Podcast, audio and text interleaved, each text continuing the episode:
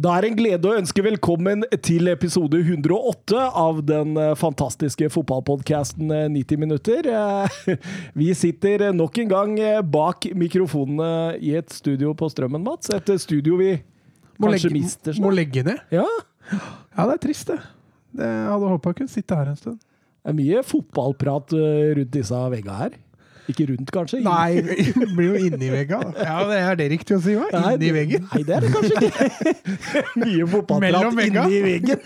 det er mye fotball på veggene, da. Ja, ja det er det. det er. Ja, det var litt trist for kanskje finne et annet sted. I hvert fall om et par måneder. Ja. Eh, hvor skal vi Hvor skal vi bevege oss, Søren? Nei, det, så lenge vi beholder oss i Oslo-området, er jo det, er jo det greit. Vi flytter den ikke til Nord-Norge. Kan ikke et studio i Bergen, du. ja. Reiser med fly hver podkast. Men uh, ja, nei, det er vel bare å åpne med å si aloha. Og åssen går det, gutta? Det går fint. Jeg fikk som sagt kjøpt meg rekkehus forrige uke, så det var hæla i taket. Og festa med en Jeg måtte kjøpe en Aloha når jeg fikk i land den, uh, fikk den rekkehuset, så Flira. Det var en god helg. Flira når jeg så det bildet. Aloha!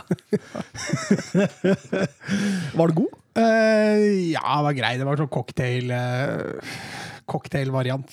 Mm. For oss som ikke drikker så mye øl. Ja. Du Søren, du drikker litt øl? Jeg drikker litt øl. Ja. Syns øl er ålreit, det.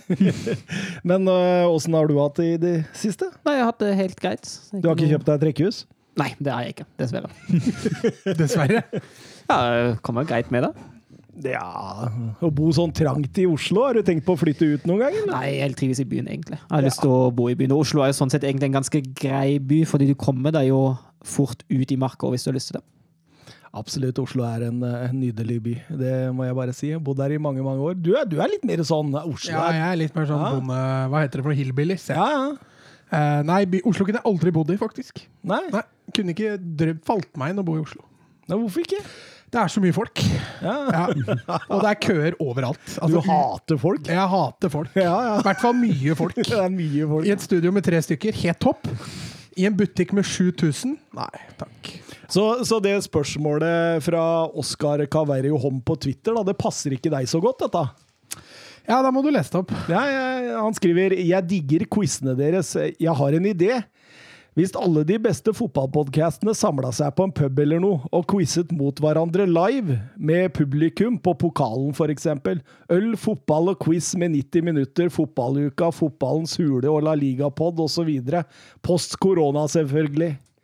Det hadde vært helt konge. Eh, det hadde jeg likt. Du hadde ikke begynt å drepe der inne? Nei, på ingen måte. Eh, det som er litt kjipt her, når du skal opp mot så fotballfaglig sterke folk, da veit jeg ikke helt åssen quizen vår hadde hvordan tror du du har gjort det i det selskapet der? da? Nei, det Altså, Fallhøyden er ikke så stor, da. Nei, For det sitter mye kyndige folk der. Ja, ja. Så det, det, er ikke noe farlig Det er ikke noe fallhøyde, på en måte, hvis ikke vi gjør en Taren Edvardsen og drar derfra med ett poeng. Det hadde vært kjipt, men uh... Hvis du er, eh, hvis du er uh, Mjøndalen, og du drar til Old Trafford for å spille fotball så, så, ja, så lever jeg... du godt med 3-1-tap. Vi er ikke Mjøndalen. Nei, hva med Toten, da? Nei, Cardiff, kanskje. Cardiff? Ja. Ah, ja. ja, ja, men Cardiff de kan hevde seg. De kan det. De har slått United på Trafford sist de spilte. Det... Jeg må bare, må bare, finne en Solskjær ved sidelinja, så går det greit. Ja, men, men, Søren var litt mer positiv til dette enn deg, faktisk. Søren trodde vi kunne hevde oss. Ja, jeg tenker jo altså, mitt, mitt, Hvis det blir altså, mye Bundesliga, så tror jeg vi kan gjøre det. Nei, men altså, så tenker jo med La Liga med deg, Mats, med Premier League for deg, Thomas, og med Bundesliga for meg, så det, kan det bli ganske gøy. Og får vi bare Italia-spørsmål, sliter vi jo litt. Ja ja, men får vi litt belgisk nå, så skal vi ta det i år. Slik jeg har prestert i quizen de siste gangene, så burde jeg være quizmaster, tenker jeg. Du drar lasset vårt, vet du. Det er ikke noe stress. Nei, men det, det, hadde jo vært eh, skikkelig kult. Eh, vi er jo ikke eh, gjengen som tar initiativ, så da må det i så fall noen andre som tar initiativ på vegne av oss. Og vi blir gladelig med. Ja, det, det så, lenge det, så lenge ikke vi er på sykkeltur eller noe sånt. Men eh, det blir Han skriver øl, fotball og quiz. Det blir jo aloha! Fotball og quiz, da. For, uh, ja, ja, på undertegnede ja. blir det. Eh, Vebjørn Fredheim spør kan vi forvente noen lister av 90 minutter i sommer. Skivatse og Fotballens hule har hatt gode lister i det siste. Gjerne dere også, men jeg takker dere stort for europahjørnet. Ja, det høres jo gøy ut. Jeg liker sånne lister. Jeg liker å høre på lister. Jeg syns det ofte blir gode diskusjoner rundt det. Eh, og det handler ikke nødvendigvis om at man eh, alltid trenger å være enig i absolutt alt. Uh, det klarer ikke vi tre å bli heller, vil jeg tro. Man har jo forskjellige preferanser, men det er, det er, den hele diskusjonen rundt det er, nesten, det er nesten gøyere enn å se hvor, hvor en spiller til slutt havner. Ja, altså, de listene er jo veldig subjektive. De er eh, altså Og, og det, de er jo å legge hodet på blokka, rett og slett, og, og be om kritikk. Men, men, men det, det er ikke vi fremmed for å gjøre, Mats. Nei, det er vi ikke. Vi tar gjerne mot blokka og hodet, vi, så det er ikke noe problem. Kjør på hvis dere vil det, men eh, Nada problem. det vi mener, det mener vi. men eh, jo da, for all del, eh, noen gode lister, det kan vi sikkert få fiksa. Men vi, vi tenkte jo også vi skulle følge EM ganske bra framover, da. Så, så vi får se hva vi rekker, men lister, jo, for all del. Husker før Før eh, forrige sesong så dreiv vi jo på med sånne eh, Vi gikk gjennom enkelte lag, gjorde, gjorde vi ikke det? Og, og sa det må de ha, og det Ja, men det var før forrige sesong, ja. Ja, ok. Det var ikke denne, før denne sesongen. For det òg var litt kult. Ja, Det var da du mobba meg for at jeg alltid tok Grimaldo på Ja. Skulle ha Grimaldo på alle lag. Hvert lag! Hvert lag! som mangla venstrebekk. Grimaldo. Grimaldo. Og du sier ja, herje, du skal jo få kommentere han litt framover. Ja, ja, ja, ja. Men eh, videre, Jørgen Be Ready på Twitter han spør eh, hvis eh, personlighetene deres var et fotballag, hvem ville dere ha vært? Hvem jeg ville vært? Ja, Hvem ville du vært hvis personligheten din gjenspeila seg i et fotballag? Ja, Da ville jeg vært City. Hvis jeg kunne velge. Bare glory rundt der? Ja, liksom? bare også fint å se på og gode personlighet ja, Det er klart det er mye, Ja, det er mye litt sånn mye snusk Ja, det er kanskje litt snusk der. Ja, Kanskje City var et jækla dårlig valg. Men jeg frykter jeg er Arsenal, altså. Ja, du er Arsenal. Jeg frykter jeg er Arsenal. Ja, ved grunnen. Ja, nei, altså Innimellom så er, det, så er ting på stell. Men veldig ofte så roter du til det på egen hånd. Ja. Ja, det er litt der. Fin å se på, men noen ganger så, Ikke litt for ofte, egentlig. Ja. Så går det gærent. Ja, Uh, men det var bra. For en stund siden så var det jo bra. og så har det bare gått dårligere og dårligere. Nei, Så da sitter jeg med Arsenal rett over meg. Hvem sitter jeg med på sida? Ja, du sa jo jeg var Atletico Madrid, Thomas. Ja, men jeg tenker med deg, Søren. Du er liksom Altså, du er litt sånn langsiktig tenkende type. Du planlegger litt, du er litt strukturert. eh, Ikke så veldig mye overraskelser. Man, man veit liksom hva som kommer. Eh, Og det er jo Atletico Madrid. Ja, du kan ha et poeng der, også. Du kan det. Kanskje litt, litt gladere i en, i en fest i ny og ne enn Atletico Madrid er på banen. Ja, det er ikke Hva med. Inter, da? De tar seg en fest innimellom, i en kamp sånn innimellom. Ja, Ja. Mm, Og dem er utrolig strukturerte. dem er strukturerte. Vinner jo alltid 1-2-0. Men det er mye kaos på innsida. Mm. Jeg tror ikke det er så Ja, mye er kaos så. på innsida hos eh, Jo, hvis det er ting som ikke går etter rutinene, så tror jeg det blir litt kaos. Ja, ok, sånn sett, ja. Hvis han må ta en omvei til toget, eller ja åh, det, er, Oi, oi, oi. det er noe av det verste som kan skje. Ja. Hvis toget er forsinka, eller et eller annet. Da, Omkjøring og sånt. ja, Da- buss da- for tog! Å, herregud! Da var han seg ikke sjøl her. da! Da går det leve, jeg tror jeg. Måtte jo faktisk kjøre den tilbake til Oslo da når det var buss for tog, for det kunne du ikke. Det gikk ikke. Men så har du meg, da. Jeg har, jeg har ikke helt klart å, å bestemme meg for egentlig hva jeg er. For jeg Åssen fotballag jeg skulle vært, liksom. Det er vanskelig. Ja, den er litt eh, kronglete, den. For du er liksom litt av alt, du. Ja, jeg er litt av alt, men åssen ja. fotballag er litt av alt? Ja, nei, jeg, jeg foreslår Det er kanskje litt dumt å si uh... Schalke, var det det? Ja, vi var jo litt på Schalke, men uh, det er litt dårlig gjort. Så den, uh, og vi var litt på Valencia. Nei, så. Er, er ikke Dortmund litt av alt? Jo. De kan, de, er kan, litt- de, litt kan av være, alt. de kan være både strukturerte og kaotiske. De kan være både veldig festlige og veldig katastrofale. Altså, det er litt Det er sånn, jo meg! Ja, Lazio kanskje òg, da. Samme, samme greie. Ja. Det er de to, Dortmund, jeg. de to favorittlagene dine utafor Tottenham. Ja, det er jo det. det er jo det. Så det kan gjenspeile det der. Jeg er fornøyd med Dortmund. Ja, Kjipt da, jeg fikk Arsenal oppi dette her. Det var litt dårlig. Arsenal har jo hatt sine glories, de. Ja, men det har jeg òg. Ja. Så Ja, det er det jeg mener. Ja. Men nå er du på nå er det ordentlig nedadgående, akkurat som Arsenal. Men Søren han holder seg jevnt oppe Ja, ja. Hvert år. Du er trygg på hvor han havner. Ja, ja. Nei, jeg er enig.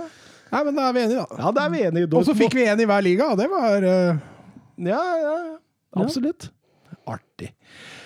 Eh, Skal vi ta de eh, forferdelige spørsmåla før vi setter i gang med det vi egentlig skal igjennom? Ja, og da er det meg som har den quizen her. Eh, Jeg har laga som vanlig seks kategorier og en oppvarmingsrunde, og så har jeg et spørsmål hvis det skulle være uavgjort. Og du har det, du, ja. Jeg har det, jeg. Og denne gangen har jeg faktisk forberedt det på forhånd òg, og ikke bare funnet det på. Så det er jo greit. Men eh, vi starter med oppvarmingen, og det er en annenhver gang. Og da må dere følge litt med, for jeg vil ha alle spillere i våre fire opprinnelige ligaer, altså ikke League A, men Premier League, Bundesliga, La Liga og Serie A, som har skåret over 15 mål denne sesongen, men som ikke leder toppskårerlista i år. Det, det er 17 spillere til sammen. Eh, Vil dere ha ligafordeling på de også? Ja, det kan vi godt. Det er tre i Premier League, fire i La Liga, fire i Bundesliga og seks i Serie A. Og Mats får da lov å starte. Haaland. Det er helt riktig. og Erling Braut Haaland har 25 mål. Over 15, ja. Da er det Son, da. Det er helt riktig. Han står med 16. Silva. Det er riktig. Han har 25 nå. Var du så rask, altså? Sala. Han står med 20. Det stemmer, det. Altså som ikke er toppskårer. Ja, hvis du, hvis du tar toppskåreren, er du ute. Ja. Og så må han ha med en 15. Så Hvem akkurat er det 15. du sa? Silva? André Silva André, du, har, du har begynt i Tyskland? Jeg tok. Tyskland. Ja. Så hvis du Eh, og Så hvis, Wout Vegårds, det er vel trygg. Ja, han er trygg. Ja, Wout Vegårds. Det stemmer. Han står med 20. Det er derfor han lagde den quizen. eh, okay. Men jeg liker at du begynte i Premier League, og så begynte jeg i Bundesliga, Ja. for da har jeg en. For nå, nå, nå kjenner jeg, jeg, jeg Jeg sliter jo faktisk litt, men eh, vi må jo ta Gerard Moreno. Det er helt riktig. Han står med 20. Å, skal du begynne på La Liga? Jeg måtte jo begynne der, da. Mange sa du det var i Bundesliga? Det var fire i Bundesliga, og du har tatt tre av dem. Lurer på om ikke vi skal bevege oss over til Serie A, ja da. Og så Nei, ta siste nå. Ta Nei, siste den er- i den er- Den er risky, altså. Nei, kjør på den, nå! Uh, da Dortmund, Frankfurt, Wolfsburg uh, Hvem er siste spilleren der, da? Det kan være Jeg har et par, altså. Så hvis du, si fra før tida går ut. Ja, ja, jeg skal si det. Jeg har et par på uh, men jeg skal prøve å ta den siste i Tyskland. Uh, fordel siste laget som kjemper Leverkosten har ikke noen der. Leipzig har ingen der. Bayern Kanskje det er Müller? Nei, det er ikke Müller. Nei, det er ikke. Nei, det er ikke. Nå trenger vi et svar, Mats. Greit, Giro Mobile. Det er helt riktig. Han som i 19. Han har kommet opp i såpass, ja. I Italia der er jo Lukaku toppskårer, så jeg syns Giro Immobile eh, Som du sa, Zlatan er jo ikke oppi der, han. Er han det, ja? Nei, han har ikke kommet dit. Eh, jo, Vlahovic. Vlahovic, han står med 19. Det var litt overraskende hvis det er Lukaku som er toppskårer, at du ikke tok Ronaldo. Ja, det burde jeg jo tatt. Men jeg er litt er Er ikke. Ronaldo toppskårer, da? Nei, Lukaku Jo, det er han jo. Nei, eller, eller lurer du meg nå? Nei, nå ble jeg, nå ble jeg litt usikker. Nei, men da kjører jeg Luis Suárez. han står med 19 her nå, det er helt riktig. Nei, men du har helt rett, Mats. Eh, Ronaldo er jo selvfølgelig toppskårer her. Han har vel 26 eller 27, 27 tror jeg, så jeg, da er jo Lukaku trygg. Det er helt riktig. Han står med 21. Da 21. hjalp jeg deg der, altså! Åh, for det var min siste safe. Eh, Jeg kan si at det er igjen én i Premier League, det er igjen to i La Liga, én i Bundesliga og fire i Serie A. Fire i Serie A! I Serie A. Ja, tok to. Såpass. Uh, men Nei, unnskyld, tre, tre Serie A. Unnskyld, dere tok tre. Oi, oi, oi. Men uh... Det er nå man må sette hjernecellene sine inn på riktig liga. Hvis ikke så er man ute og sykler. Hvis man så hjernen Men jeg tror han er safe, altså. Men han er jeg veldig usikker på. Hvem er det du Kom igjen, og diskutere med meg. Nei, fordi plutselig så detter det inn en jeg er helt sikker på. Ja, ok. Sånn sett, ja. Uh, så, og da gir jo det jeg deg en, tenker jeg. Ja, Men jeg har noen på blokka, jeg òg. Ok, men da tror jeg Jeg er usikker, men jeg går for Enesiri. Det er helt riktig. Han står med 17 mål. Hvor mange var det igjen i La Liga? Nå er det én igjen i La Liga, Og så er det én i Bundesliga. og én i Premier League og tre i Italia. Så vi har seks igjen. Én i Premier League. Salah, Son. Kane er toppskårer.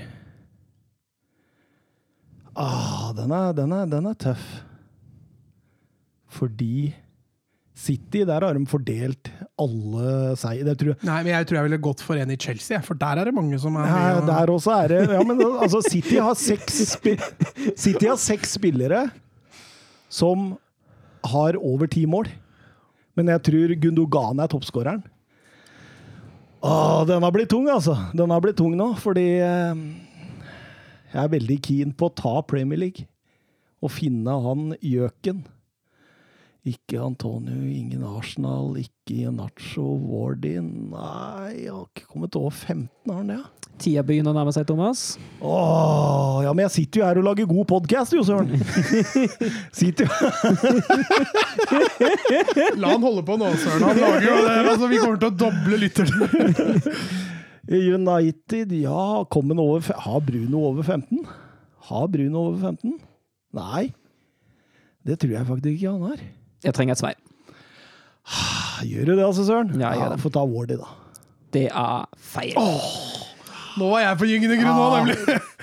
Jeg vet, da kan jeg prøve igjen. Jeg hadde Du kan, én. du kan prøve. Ja, for jeg tror det er uh, enten Zapata eller Muriel. Kan du si en av de? En er riktig. Det er Muriel. Nei. Ja, jeg også. Jo, jeg går faktisk for Muriel. Ja, Muriel 19 han òg. I Premier League det var Bruno Fernandes, han som er 16. Oh, ja, I. Bundesliga Andrej Kramaric. Litt overrasket at dere tok, ikke tok Karim Benzema i La Liga. Nei, jeg sparte han til slutt. Eller så glemte vi det. Og de to som var igjen i Italia, det var Lorenzo Insigne med 17 og Simeon Nvankvo fra Crotone med 19. Ja. Det var også en jeg hadde tilbake. Men jeg syns dere presterte veldig godt, begge to. Men det er 1-0 til Mats, som da får Vi brukte 16 Nei, nei, vi brukte 6 minutter på dette spørsmålet, Ja, faktisk. Da, da var det mye kunnskap. spørsmål. Det var koselig spørsmål. Det var sånn tenkespørsmål, sånn der, og du kunne sette deg fast. Sånn, ja, artig. Da har vi uh, seks kategorier. Det er VM 2002. Det er Premier League-historie. Det er trenerlegender. Det er forrige helg. Fra hvilken klubb? Og engelskmenn i Spania. Og Mats, du får æren av å velge første kategori. Engelskmenn i Spania. Uh, VM 20 Forrige helg! Den også var jo vag. Jeg husker ikke hvor jeg var. Jeg, for Du drakk Aloha. Ja, det stemmer det! stemmer det. Nå Det er demrer- det! Nå demrer det! Grunnen til at du ikke husker det. Det er ikke mer enn en aloha som skal til. Nei, vi tar engelskmenn i Spania, vi. Vi tar engelskmenn i Spania. Hvilken, eng Eller har du vanskelige spørsmål? La han spørre spørsmål nå. Ja, greit, da. Hvilken engelskmenn har spilt flest kamper i La Liga av alle engelskmenn? Og han debuterte i La Liga i 2003, som et lite hint. Oi. Ja, da må det vel kanskje bare være han derre kløna, da. Det er, det er to kløner, vet du. Men Michael Owen fikk jo nesten ikke spille det. Jonathan Woodgate, tenker Ja, du det må kanskje Nei, Woodward. Nei det må jo være Det må jo være David Beckham. Eh, David Beckham. Det er helt riktig, Mats. Det er David Beckham. Og da fikk du ett poeng. Thomas? Fram til denne dagen har 19 engelske managere trent et lag i La Liga. Men kun to av dem i dette årtusen og innenfor de siste ti åra. Begge fikk kun korte perioder i sine suksessive klubber. De var ansvarlige i henholdsvis 77 og 16 kamper. Kan du nevne en av dem? Det blir jo Tony Adams, da. Og uh, Gary Neville. Og David Moyes. Nei, han er jo skotsk. Nå er du på mange Du trenger, trenger bare én. Du trenger bare én. En av de! Nei, vi tar Tony Adams, da. Det er helt riktig. Han uh, trente vel Granada i sju kamper. Og du kunne en andre òg. Gary Neville, 16 kamper i Valencia. Men David Moyes hadde ikke han Real Sociedad, da? Jo, men, Men han, han er er jo ikke engelsk. Han er skotsk, han. Ja. Da er det 2-1, og Thomas, du får velge neste kategori. Jeg får bli ferdig med den grusomme VM 2002. der. Den er grei. Hvilket lag kom på tredjeplassen i VM i 2002? Mats! Kan hun? Selvfølgelig kan jeg. Ja, okay. Hvem er det som ikke kan noe sånt, da? Nei, ikke jeg. Oh, nei, okay. nei, da blir det skudd fra hofta, da. Ja, det gjør det, faktisk. Tredjeplass. Tyskland. Det er feil, Mats. De tapte finalen. For det var uh, Tyrkia som kom på tredje. Det er helt riktig, Mats. Det var Tyrkia. Men Mats, spørsmål til deg. Veit du hvor finalen blir spilt? I, må du ha byen? Jeg vil ha byen. Å, herregud. Uh, det var jo Sør-Korea og Japan, da, så var det vel enten Seoul eller Tokyo. da. Eh, Hvem var det som hadde finalen, da? Kan være Pyeongchang. Var det Seoul? Sør-Korea? Eller var det Japan? Jeg tror faktisk det var Sør-Korea som hadde finalen. Uh, Seoul! Det er feil. Thomas? Jeg har jo ikke noe annet valg enn å si Tokyo, da. Det er feil. Det var i Yokohama. Yokohama. Ble finalspilt. Mats, neste kategori. Å ja. Eh, ta forrige helg, da. Så blir vi ferdig med den der. Mot Barcelona spiller Champions League-finalen for kvinner. Mot hvilken klubb spiller de? Ja, Var det ikke det vi var innom? Eller tok jeg, siden du ikke retta det spørsmålet? Det Nei, da får vi si Chelsea, da! Ja, det er helt riktig. Men... Sykt vi snakker om det på forhånd, og det retter du ikke opp! Nei, det var jo det andre de snakka om etterpå. Det det jeg retta det til. Ja, men eh, Thomas, i eh, Tyskland ble det ikke spilt Bundesliga, men de to semifinalene i cupen ble spilt. Leipzig og Dortmund gikk, eh, vant hver sin semifinale og møttes i finalen. Men kan du nevne ett av de to lagene som tapte i semifinalen? Holstein Kiel. Det er helt riktig, Thomas. Og Verde Bremen. Da får jeg den, da. Det, det var voldsomt òg, de tapte da. Ja, 5-0. Sto Ja. 5-0 til pause nå, så det var ja, overkjøring. Det står 4-2, fortsatt alt mulig. Thomas, neste Hva er kategori. det du har igjen nå? Det jeg har igjen, er Premier League-historia, trenerlegenda og fra, fra hvilken klubb? Og, ja, og fra hvilken klubb? De tre. Ja, syns jeg begynner å bli mye. Ja. Fortsatt seks kategorier igjen. Ja. Få ta trenerlegender, da. Trenerlegender.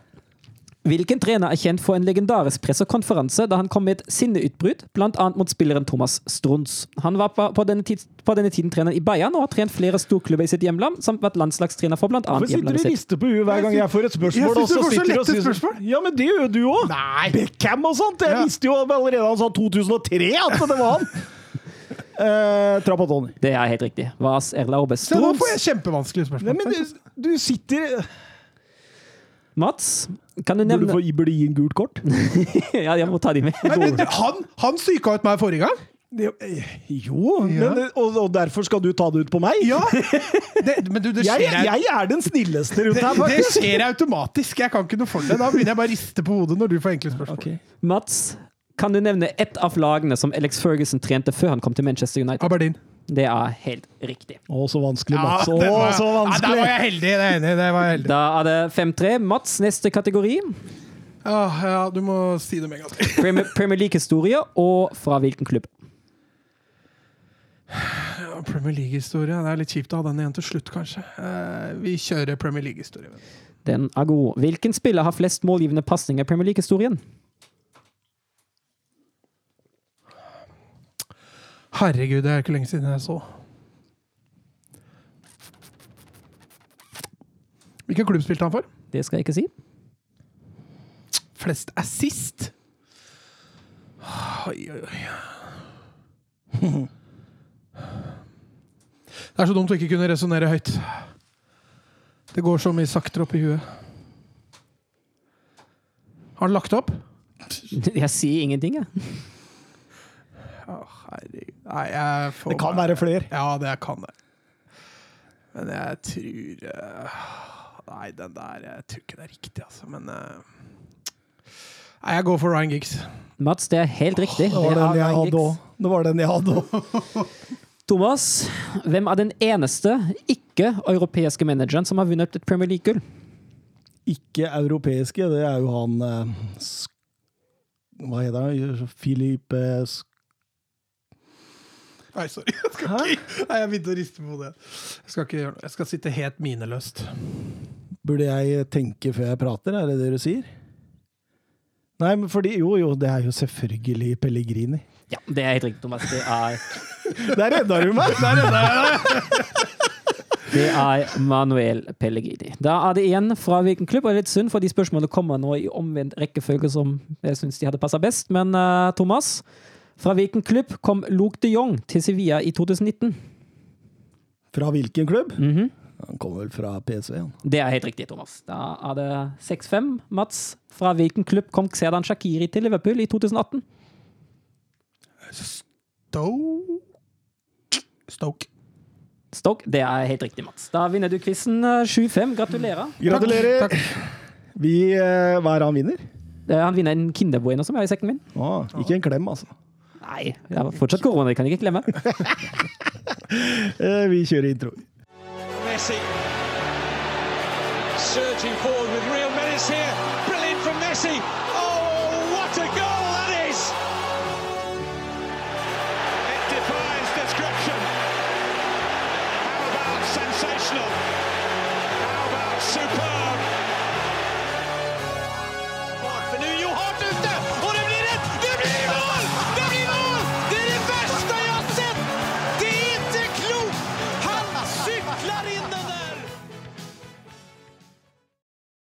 Ja da, ja! Crystal Palace, Manchester City. Da er vi i Premier Leagues rike, Mats. Og jeg regner med du så den kampen? Ja, det er bare å begynne å regne, det. City City som eh, ja, Du kan si de stilte et slags B-lag. Ja, det var litt pepperulett. eh, En kamp som er klemt mellom to eh, CL-kamper. To relativt viktige CL-kamper for City. Så han, han rullerte litt også. Han, si, han Jeg syns også han eksperimenterte litt med formasjon. Spesielt defensivt, selvfølgelig. Aguero og Jesus eh, spilte i et slags tospann på topp eh, offensivt, mens Stirling og Torres ble litt flatere defensivt. Og han, han, han eksperimenterte jo også med inngangen i det offensive, syns jeg. Synes ikke det var, altså Du ser så tydelig på Cancelo. Han gikk jo veldig mye ut på bredden, og målet var åpenbart å utnytte det smale Pelles-forsvaret og overloade kantene. Ja, fordi, men Palace de overraska ikke. Det var 4-5-1 defensivt og 4-3-3 offensivt, men det var sjelden 4-3-3 offensivt, for det var City som stort sett styrte og stelte, selv om Altså, eh, det er ikke noe god førsteomgang det City leverer. Nei, og det sier det meste også om Palace, egentlig, for det, de kom ikke til noe helt store greier. Eh, Saha Townsend er det eneste lille farlige de har. Eh, Townsend får rettvendt seg, men han er ofte altfor langt fra mål eh, til at det blir farlig. Og når til og med Benteke får strøkne innlegg og ikke er i nærheten av å skåre mål, da, da blir det langt fram, altså. Det var det, og det Ja, altså, når 55 minutter var gått, så hadde City det første eh, forsøket på mål, og det er det lengste de har gått i Premier League denne sesongen uten skudd på mål. Ja, det blir Men Stirling hadde jo en fight den som blir blokkert der, da. I første omgang, Eh, ja. ja. eh, herlig forarbeid av Stirling. Det er sånn artig å se én skuddfinte, og så er det to Palace-spillere som går ned for å blokkere det. Eh, og så drar han seg bare videre, og så blir skuddet til slutt blokkert. Men uh, som du sier, uh, men det angrepet var jo fint. Ja, men problemet var jo ofte var det ikke nødvendigvis fine angrep. Det ble slått mye langt, og mye langt mot kant, og da stoppet det litt. Men så er det et par minutter der da, hvor det er bare sånn OK, da sier vi takk for følget. Og eh, den Ja, det var det målet jeg snakker om. starter om ja, Aguero, det er et fantastisk fotballmål. Ja, ja, Mendy som slår knallhardt inn der, og, Mendy, og Aguero sin første touch. Det er jo den som er eh, nydelig. Altså Så hard ball, som i tillegg spretter rett før han skal få den, og så får han jo da det perfekte medtaket inn mellom to Palace-forsvarere og avslutter den opp i nettaket. Det er, eh, det er klasse. Glimt av gammel storhet, søren. Ja, det syns jeg. Det var litt, litt akkurat det jeg tenkte da jeg så det målet. At han viser at han fortsatt har det inni seg, i hvert fall. Selv om han har vært mye skadeutsatt og er på vei nedover. Men uh, klasse han fortsatt, definitivt. Vil du ha han til Barca nå, eller? Nei takk. Nei. Nei. Det tar jo et par uker, så er han ute med skade igjen. Eh, ja, og kanskje bare et par dager òg. Det er mye hardere i, i La Liga, vet du. Så det, Ferran Torres gjør 0-2. Det gjør den. Ja. Mellom beina på Coyote der, eh, som eh, Altså, forarbeidet er jo Det er litt heldig, for det er litt sånn virvar, og så ender han opp hos Torres. Eh, mye fine bevegelser framover. Så får Palace blokkert den siste pasningen, men, men Torres plukker opp andre ballen. Og avslutninger mellom beina som setter Guita ganske ut av spill her. Det var sånn litt sånn takk for følget. Eh, ikke nå, nå, nå stikker vi, liksom. Ja, det var det. Og så, har de har City full kontroll etter det òg. Men eh, de gjør ikke noe særlig mer enn de egentlig trenger å gjøre, og kontrollerer kampen ut. Og ja, vinner 2-0. Og i kveld er det Paris Saint-Germain. Ja, da skal det store målet til Pep Guardiola. Hva gjør han hvis han vinner Sela? Sier han opp, da, eller? Nei, jeg tror det, ja. Han har jo vunnet alt. Ja, da har du vunnet alt. Ja, ja, Kanskje ikke VM for klubblag, da, men Kanskje han vil ha den i tillegg. Bare. Supercupen, den europeiske supercupen, det er vel de to som gjenstår da, i så fall. Aguero eh, sitt mål nummer 182 i eh, Premier League. Eh, Ett mål til rekorden til Wayne Rooney på flest mål for én klubb. Så vi får nesten håpe han får et par kasser til da, mot slutten av sesongen, sånn at han stiger til topps. Det fortjener han. For en målmaskin han har vært gjennom mange år. Mm, det har vært en stor, stor spiller. Og var det han de skulle ha på påle, eller var det Ja, David ja. Silva? Nei, det var han. Ja. Ja, han skulle, han skulle opp på, på veggen, holdt jeg på å si. Så. Ja, som klubbens mestskårende er jo kanskje det naturlige. Ja, og, og så viktig han har vært, da. Sluttminuttene mot Crystal Palace der, som ga City gullet framfor United. eh, Og, Var ikke det QPR? ja, var det QPR? Ja, hva, hva sa jeg? Crystal Palace. Ja, jeg var fortsatt i Crystal Palace. Men det, det er for nerder, da, som Ja. følger med, liksom. Men det var fantastisk, altså. Og, Han har vært superviktig. Uh, han har også vært viktig under Guardiola-æraen. Um, så det har liksom bare vært de to siste sesongene hvor han har vært litt off, men mye, Mye på grunn, ja. av skader.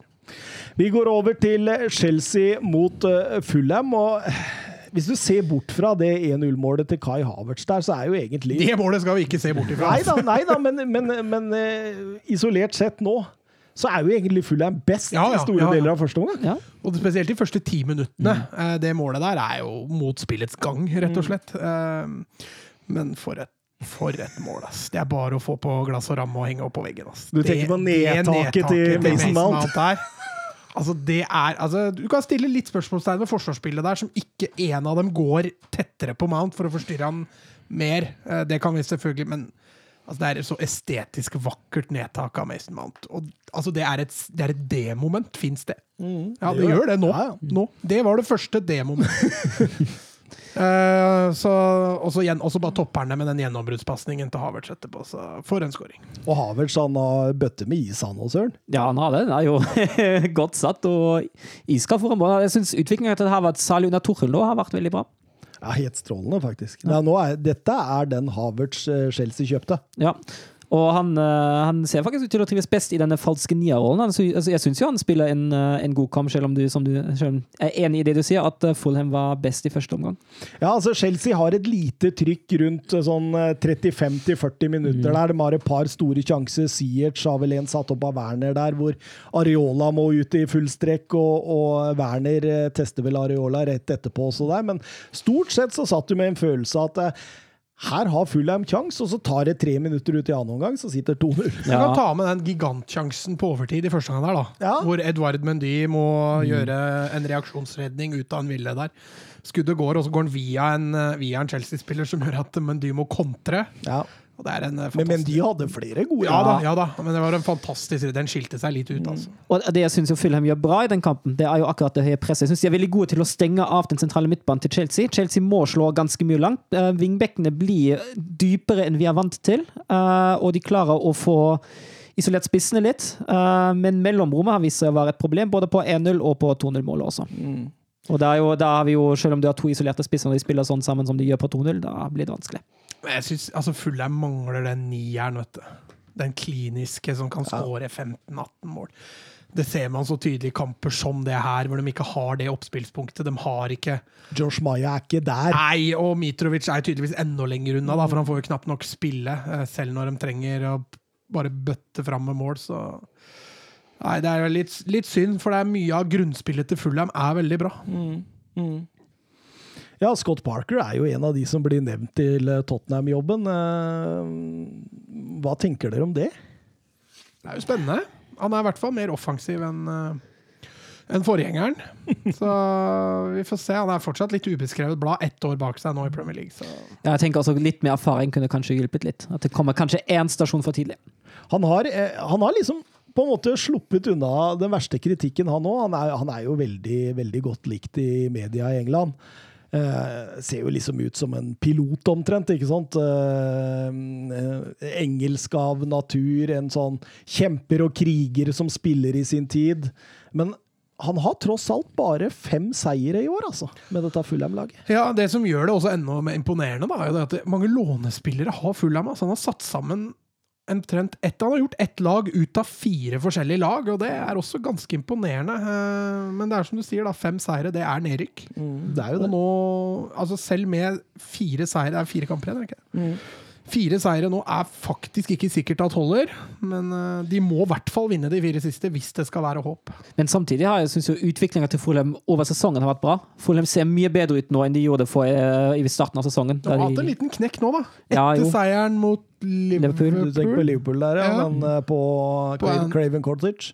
Nei, på Anfield. Vant de ikke på Anfield? De vant, de, ja, for de spilte uavgjort på Craven Cottage. Ja, Ja, så spil- de slo jo Anfield for å ja, Slo Anfield! De slo, De slo Anfield. de slo Liverpool for et par uker siden. Etter det så har de jo Det er noen i helga som slo Old Trafford, Mats, men, men det kommer vi tilbake til. Men eh, nei, eh, jeg syns det har gått litt nedover nå, og, og formkurven til Fulham peker feil vei. Men banespillet totalt er jeg helt enig med deg, Søren. Det har vært eh, stor bedring fra de første ti kampene til de siste ti, i hvert fall. Han har, altså, jeg liker litt sånn mentaliteten hans, fordi han er veldig sånn Altså Det er jo begrensninger i Fulheim-laget, men likevel så så, så pusher han. Han pusher hele tida for det neste steget. Han, det, det, virker nærmest som at eh, ok, min identitet, min spillestil, eh, den skal ut samme altså det, Litt sånn Daniel Farke i, i Norwich når de rykka ned. Mm. Sta? Det litt sta, kanskje. Ja. Skal ikke tette igjen og, og kjøre en Sam Allardyce, liksom. Nei, det er kanskje rett, det du sier. Ehm, jeg opplever i hvert fall Fulham som, som et veldig spennende lag. Da. Eh, når Chelsea møter Fulham, f.eks., så er ikke det en kamp du går og gruer deg til. Det viste seg at West Bromwich også var mm. interessant å følge med mot Chelsea, men uh, det er ikke noe lag du går og gruer deg til å følge med på, i hvert fall. Så blir det spennende å se hva som skjer med dette Fulham-laget. Ja, fordi nå stikker jo halve laget av gårde hvis de rykker ja. ned. Eller når de rykker ned, kan vi vel vet Har de ni lånespillere? Er ja, det, er, det, kan det, ja, være riktig? Det er noe voldsomt. Og mye av dem er jo Jeg syns de sa at sju stykker starta ja, mot Chelsea. Ja, ja, for altså, det er jo begge stoppere, blant annet. Ikke sånn Tosin ja, og, og, ja, og eh, Areola. Loftus Cheek er vel uh, også Og han ene spissen. Ja, Luckman skal Lukman. vel tilbake til RB Leipzig. Ja, hvis du vil ha han tilbake. ja, hvis han vil ha han tilbake, ja. Det er vel det er vel opp til Jesse Mars nå. Ja. Men, men, men, Scott Parker han, han, prøver å komme inn i kampen. Da, bytter til en trebekslinje bak der og jobber og, og, styrer for å få dette til å gå. Men det er så solid bak der i det Chelsea-laget at det, det, Ja, når Chelsea først leder med et mål eller ja. to, da blir det vanskelig. Sander Midtstuen spør på Twitter hvordan klarer man å ta kontroll på matchene så bra som Chelsea under Tussel? Og da, hvis jeg får svaret, da, så er det Altså, det, det, er, det, er, jo noen sånne for, for, å kunne kontrollere en match, da, eh, så må du jo ha Du må jo være ekstremt gode i possession-spillet, både i grunnspillet og i den offensive delen av spillet ditt. Du må ha en klar plan, og du må kunne klare å spille deg ut på en god måte, ut av høye press. Da klarer du å dra en viss kontroll. Du må være god i gjenvinningsfasen, altså god i den offensive markeringa. Det er meget viktig. Eh, du må være organisert, selvfølgelig godt defensivt. Eh, jobba og skolert spesielt, spesiell. Altså helst en fast firer. Tussel har jo bytta litt der baki der, og likevel, ja, og likevel fått det til ganske bra. Og så må du unngå å ta de unødvendige risikoene. Og det får du veldig ofte hvis du har en voksen spillergruppe. Og det har jo Tussel. Så, og alle disse boksene her klikker egentlig Chelsea inn. Mm. Mm. Men altså, jeg syns jo overgangen Lampard-Tuchel altså Det jeg ser størst, klart størst uh, forskjell på, er den strukturen som er i Chelsea offensivt. Mm. Nå under uh, kontra Lampard. Ja, men defensivt òg? Jo da, for all del. Men uh, det er som det nevnes her, altså Chelsea er mye bedre til å kontrollere kampene med ball enn det de var under Lampard. Og når du ser Chelsea angriper nå, så ser det ut som en plan. Det ser ut som det er noe de har trent på. Under Lampard så var det litt for ofte at du følte at det gikk litt på måfå, at det var litt for avhengig av at Mount skulle finne på noe ekstraordinært. Nå føler du at det faktisk er en liten plan over det, og som du sier, defensivt har de jo vært uh, kjempestrukturert. Han tok over eh, Chelsea når de lå på niendeplass. Nå, uh, nå er det FA Cup-finale. Det er sannsynligvis Champions League-plass, og det er et godt utgangspunkt foran morgendagens semifinale mot Real Madrid i Champions League. Det er jo, det er jo enormt, denne, denne, på en måte effekten Tusla har gitt. da. Ja.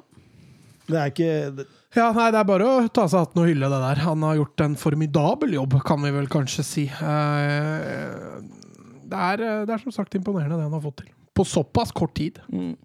At noen får en sånn middelbar Dette tror jeg er litt sånn vedvarende også, fordi det virker så strukturert, så gjennomsyra der. da. Ja. Eh, så det er ikke mm, Hvis Tuchel får over å arbeide med det samme mannskapet og kanskje forbedre noen enkelte plasser, ja, da blir Chelsea å regne med om gullet neste år. Det er jeg helt sikker på. Helt klart. Vi eh, drar over til eh, Newcastle, og, som fikk besøk av Arsenal. altså Altså vi, Begge to altså, vi, er, vi, altså, er jo, vi, er, jo, på det der igjen. Har, vi, hvor mange ganger har vi snakket om Newcastle? Vi er nesten ti nå, ikke sant? Ja. Og det er, jo, det er, jo, det samme som går om og om og om igjen. Og denne kampen kommer i tillegg at innimellom står de litt høyt, men de står jo så sykt langt unna motspillerne sine som det går an å vare. Det er jo ikke noe aggressivitet i presspillet. Altså det Nei, vet du hva. Eh, ballene, ballene fremover de bare slås på måfå langt langt unna egen boks. eller som det som er greia der. Bare få ballen unna, og så går det greit. Det er ikke noe struktur der. Forsvarsspillet er forferdelig, og jeg syns ikke Arsenal spiller en kjempegod kamp. Jeg syns ikke Arsenal spiller en særlig Nei, god kamp engang. det, helt enig, og det er det som var litt av poenget mitt Ja. her. For Arsenal spiller egentlig en ræva fotballkamp, men de har full kontroll Ja. i 90 minutter. Men det holder kjempefint mot det laget der, altså. Og jeg tror Newcastle skal være sjeleglad nå for at eh, de nesten ikke har noen storlag igjen, hvis jeg ikke tar feil. Men, men Sa Allan Saint Maximin. Ja, det er Den avslutninga han har der, hvor han skyter i egen stamfot og lobber den over keeperen. Hvis det er med vilje, det er det det, det sjukeste jeg har sett. Jeg tror ikke det er med vilje, altså, Nei, det er bare så det jeg har sagt. Men, men altså, hadde den gått inn Det har vært så genialt! Ja, det har vært helt vilt. Men, men eh, fikk vi se årets eh, assist av Aubameyang her på 0-1-skåringa til Neni? eller? Ja, det syns jeg. Eh, Det gjenlegget der til en enig, det, det er det klasse over. Der viser han at han har øyer i nakken, faktisk. Aubameyang. Det er det villeste jeg har sett. Altså. Det er perfekt ball ut, men han bommer jo på skuddet fullstendig. Treffer hælen og nydelig ut El Neni, som setter 1-0. Og, og sånn som Newcastle opptrådde her, så var jo kampen nesten avgjort da. Ja, det var jo det. Og, Kunne jo ikke skåre mål. Ja, men du har jo sett Newcastle greie å omstille Ja, seg jo. utover i andre omgangen. Det sleit de med her. Altså. Nei, og det, det jeg tenker altså i andre omgang, det står 1-0 til Arsenal sånn halvveis ut i andre omgang før Tone-skåringa kommer. At du, du er Newcastle, du ligger under 1-0 på hjemmebane, du trenger et mål. altså Det er null aggressivitet der, det er null høyt press, det er ingenting. Det er nada. De ser egentlig bare ut som at de er fornøyde med 1-0, at det bare er 1-0, nesten. De har tre måter å score på. Det er dødball, til nøds en overgang hvor Maximæ kan eh, gjøre noe. Og så er det hvis Maximæ gjør noe helt magisk på egen hånd. Det er Det er mye avhengig av Maximæ. Ja, ja, ja, det er jo det. Spørsmålet er om han blir neste år, om han gidder det der greiene der. Eh, ja, det er, Hvis det blir valg om å gjøre et år til eller legge opp, så kan vel hende han fortsetter. Men uh, det går jo an å håpe at han finner seg en litt mer attraktiv klubb. Ja. For han eh, tror jeg får plass i mange klubber der ute. Og så er det litt sånn, òg, jeg, jeg, jeg sitter og tenker på Newcastle-supportere, stakkars jævler der ute, altså. Men, men altså, Steve Bruce gjør først grep etter 73 minutter i denne kampen der. Ja, det Hæ? Så dere det bildet med Steve Bruce og sveisen til Angela Merkel? Nei. Du plukker opp så mye bra Ja, på Det er noe av det mest groteske bildet du kommer til å se. Altså. Nei, Det var en skikkelig digresjon, men uh, artig. Eh, Det siste vi kan ta med oss fra denne 2-0-seieren til Arsenal, er vel eh, røde kortet til Fabian Skjær mot slutten, Søren? Ja, det ble en utvist for jo. Ja. Var det litt stengt, eller? Ja, det, jeg synes, altså Hvis du sammenligner Jeg husker ikke hvilket rødt kort det var enten denne uka eller forrige helg. Da, da spilleren blir truffet i, eh, på skinnleggen, syns jeg det var greit med knotten. Men han, altså, han er jo på bakken. Jeg syns ikke det er sånn super, superstygt til deg. Altså, hvis, hvis det å tråkke folk i trynet Ja. skal vise seg å være greit, ja. så må vel det en takling på ankelen. Men det, det er klart, altså jeg skjønner dommeren, fordi han kommer inn i litt ganske stor fart, og han går på ankelen der. Og, selv om det blir treff på hælen. Men øh, jeg syns også den er litt streng, men kan forsvares. Altså. Vi går over til uh, hovedkampen. ja, det var spennende! Manchester United eh, mot eh, Liverpool. Ble utsatt da, Mats. Ja, det gikk dårlig. Det var noen røde djevler der ute som tenkte at uh, de skulle protestere litt mot eierne i United og storma banen, rett og slett. Tror du, Søren, at eh, det har eh, eskalert i forhold til Super League, dette Ja, det tror jeg. Det, jeg er helt enig med jeg tror Simen Stamse Møller sa det i, eh, i TV2-studio. Den er jeg helt enig i. at De var jo misfornøyd De har vært misfornøyd med eierne sine lenge. Men Superligaen det var det, den ene dråpen som, som fikk begeret til å renne over. Egentlig, og jeg innrømmer at det er litt godt å se, at Superliga backfeirer noe så innmari for noen steder, i hvert fall. Altså, Glazers, da. Altså, De tok vel over i 2005? Fem, tror jeg. Fem, ja. Tror det var det. Og de, de kjøpte jo klubben på lånte penger. Det var, det var snakk om en klubb som var total gjeldsfri etter mange år med suksess. Eh, og, og de kommer inn. De kjøper klubben på penger de har lånt av banken, og de fører over den gjelda til klubben. Ganske stor gjeld. En gjeld som de knapt nok har betalt ned på. Eh, alle spillekjøpa de har gjort og sånt nå, kommer ene og alene av TV-rettigheter. Eh, resten putter dem i egen lomme. Glazer, far Glazer, som har eh, donert bort mye av dette til sine barn. Seks forskjellige barn. De sitter jo og plukker ut utbytte i hytt og gevær. Det er masse penger som ruller ut av klubben. Eh, det er, det er, og de sitter igjen med gjeld. Old Trafford. Se på Old Trafford nå. Det var jo drømmenes teater. Nå er det marerittenes teater, egentlig. Det burde jo vært pussa opp eh, for lenge, lenge, lenge siden. Det burde vært kanskje renovert. Kanskje bygd ny. Så ille står det til der. Eh, treningsfasilitetene. De er langt unna de beste i England nå, når det kommer til treningsanlegget sitt. Eh, ingenting er blitt brukt, for alt handler om å putte penger i egen lomme. Og jeg har forståelse for Manchester United-supportere som sier at nok er nok. Ja, det har jeg òg. det er jo liksom det problemet du får uh, med eiere, og det er gjerne amerikanske, som mener at, at idrett er en business, og fotball, en fotballklubb er en business, en bedrift som du skal tjene penger på. Så har du dette da, Mats.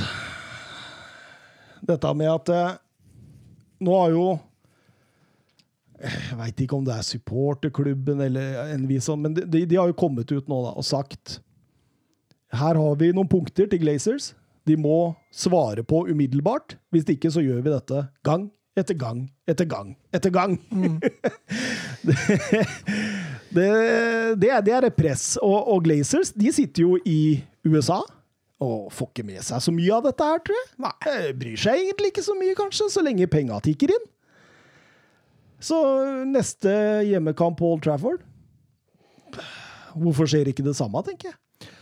Nei, det kommer litt an på. Jeg får jo bare håpe for United sin del at sikkerheten er hakket hvassere, i hvert fall rundt, eh, rundt og i Old Trafford. Eh, Det skal jo ikke skje at supporterne greier å ta seg helt inn på banen. Men det er klart, når det står 10 000-20 000 utafor og skal inn, og det står eh, 17 stakkars vakter utafor der og skal prøve å holde igjen dette, så, så sier det seg sjøl at det ryker.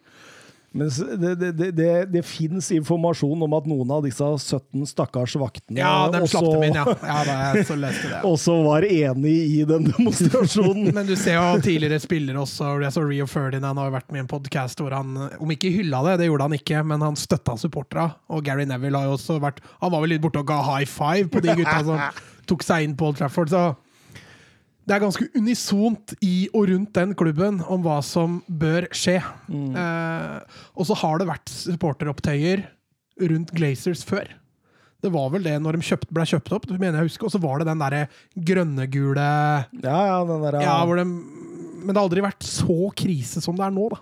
Nei, fordi det er jo som du er inne på, det har jo vært demonstrasjoner som har på en måte til slutt bare sklidd ut Ja. før. Men, men nå er som du sier, nå virker, virker det som det er alvor.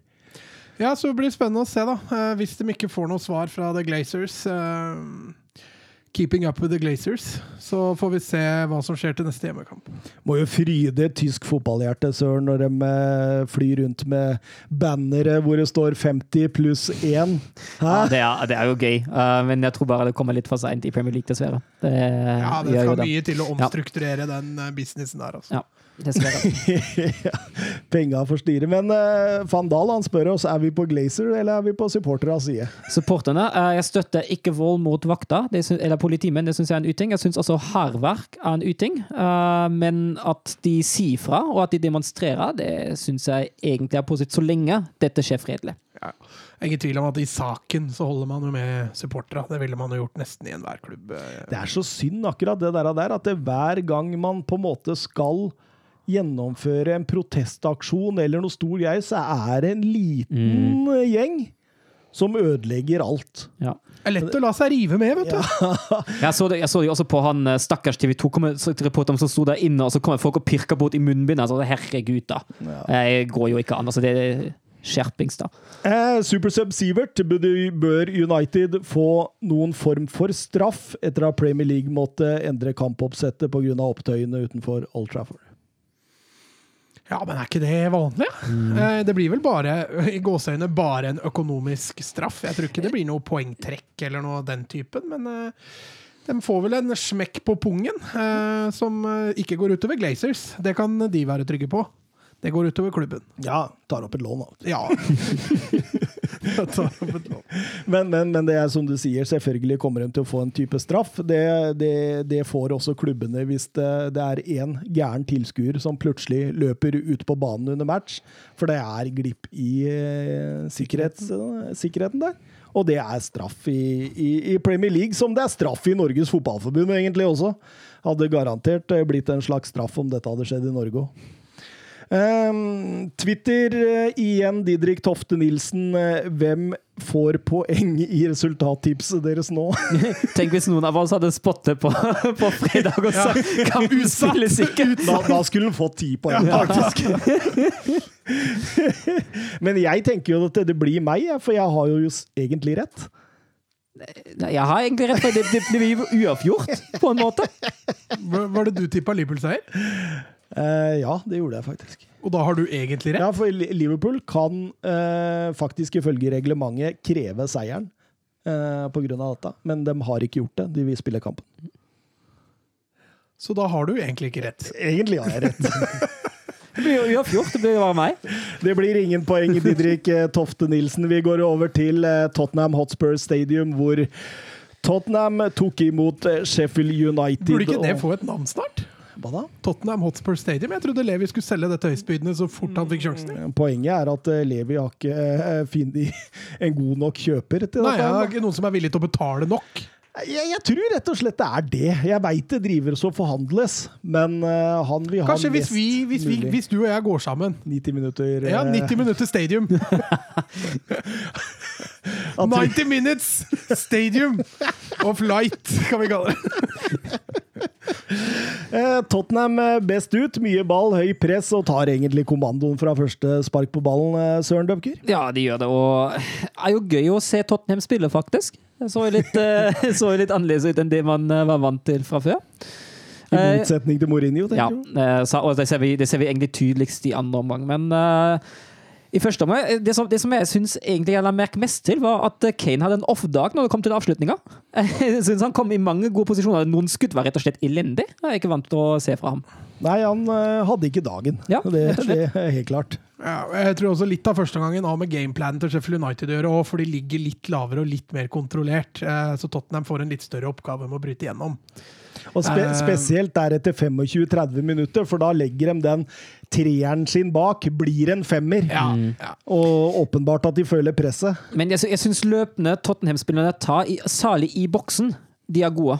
Og det er også da 1-0 kommer. fordi de bevegelsene som, som de fremste da har, det, det syns jeg er godt. Ja, den pasningen Torrier der, den, den, er meget bra. For det er ikke noe vinkel på den pasningen i det hele tatt. Den pasningen må slås rett fram. Ja. Eh, og det står en forsvarsrekke der, og han er kort avstand til, til løpet til Bale, så det, det er eh, du Bale liksom, feilberegner egentlig lite grann der. Ja, han gjør det. Han gjør det. Men, men du, du, må liksom på en måte skipløfte ballen. Ja, det blir en sånn lobbe, ja. lobbelangball. Veldig, veldig fint å se på når Bale da får satt den med utsida foran Ramsdale. Der Skjærer ut. Flott mål. Mm. Uh, og Tottenham har jo ganske god kontroll uh, gjennom hele, men, uh, men det Sander Berge kommer forresten inn i pausa. Det var hyggelig. Ja, det var, det var hyggelig. Så får vi se hvor han spiller neste sesong. Han blir nok ikke med ned. Nei, men det blir ikke billig å hente han heller, for Sheffield henta han vel for 300 millioner. Var det det? Var det ikke så mye? 180 Nei, var ikke rundt, jeg tror rundt 200 ish. Over 200. nå er vi på tre forskjellige summer. Ja, nå, nå, greit, da går vi videre. Jeg tror, jeg, tror, jeg, tror, jeg tror, det var 250 millioner. Søren er på to forskjellige aleine. Vi, vi, vi, har fire forskjellige summer på tre personer her nå. Ja, Etzy må jo treffe med tips, da. men, men snakkisen i denne kampen, tross overkjøringa i annen omgang, det var jo at Flekk tråkker jo på hodet til oss Celso her. og Jonathan Hobber han skriver på Twitter hvorfor sendes ikke Flekk i fengsel? Eh, det holder jo ikke med rødt kort på den. Hvor er VAR? Dette er jo kvalmt! Jeg tror VAR konkluderer med at dette ikke er med Altså, ansiktet hans ligger jo på bakken, og det er jo der man trår. ja, ja. Så, og jeg tror de konkluderer med at dette ikke er med vilje. At han tråkker ikke på den med vilje. Og derfor holdes den blame free, da. Men hva, hva, sier du da, når det, han som satt i VAR-bussen, er Banks? Dommeren som dømte rødt kort til Balbuena for å, for å, eh, for å klarere og treffe Schilwell uka før. Ja, Det kan jo hende at han, at han tar litt igjen. At han tenkte ok, jeg har fått så mye kritikk forrige uke for, for en tulleklarering, nå kan jeg ikke være for streng. Jeg. Men du ser jo han ser ned. Ja. Ja, det er akkurat det også, fordi Og så sier han ikke sli- sorry. jeg sliter med å konkludere med om det er med vilje eller ikke. Ja, Men han sier jo ikke sorry etterpå, vel? Det gjør du jo når det er et uhell. Ja, noen gjør det. Nei, Mange, ville ja, jeg ville gjort det. Hvis du tråkker en Men det kar fins mange fotballspillere der ute som aldri går og sier sorry. Men tror du det der var med et uhell? Nei, jeg klarer ikke å konkludere, sier jeg. Jeg syns det ser det, det ser jo rett og slett Altså, det ser ut som han har ett er- mål, og det er det er- tråkken på huet. Det er jo det som er greia. Du skal jo holdes ansvarlig uansett om det er hell eller uhell. Og det er jo derfor det der bør ende med rødt kort. Det som forsvarer det, er at du skal jo ikke ha hodet ditt ned på bakken. Nei, men han blei jo Falt jo. Ja, var han ikke nede og takla? Nei, han falt. Han hadde jo ballen, og han eh, Flekk uh, pusha han. Ja.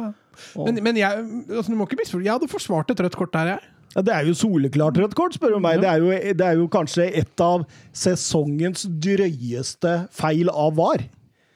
Altså, det går jo ikke an å bli verre enn akkurat dette her. Du stamper med skruknotter oppå hodet til en spiller du nettopp har pusha ned. Og du, og du går ikke bort og sier sorry engang.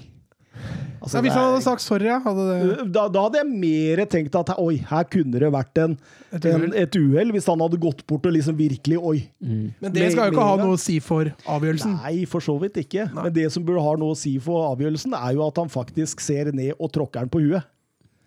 Det, det bør ha noe å si for avgjørelsen.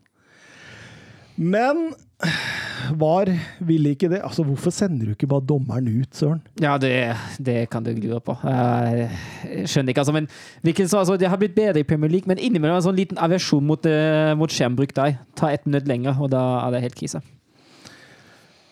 Så er, blir vi jo vitne til en åtte-ni minutter med Gareth Bale-show, Mats. Ja, eh, som jeg sa før vi gikk på her i dag, så syns jeg andreomgangen til Sheffield United Da bretter de ned shortsen, bøyer seg framover, og så åpner de butikken.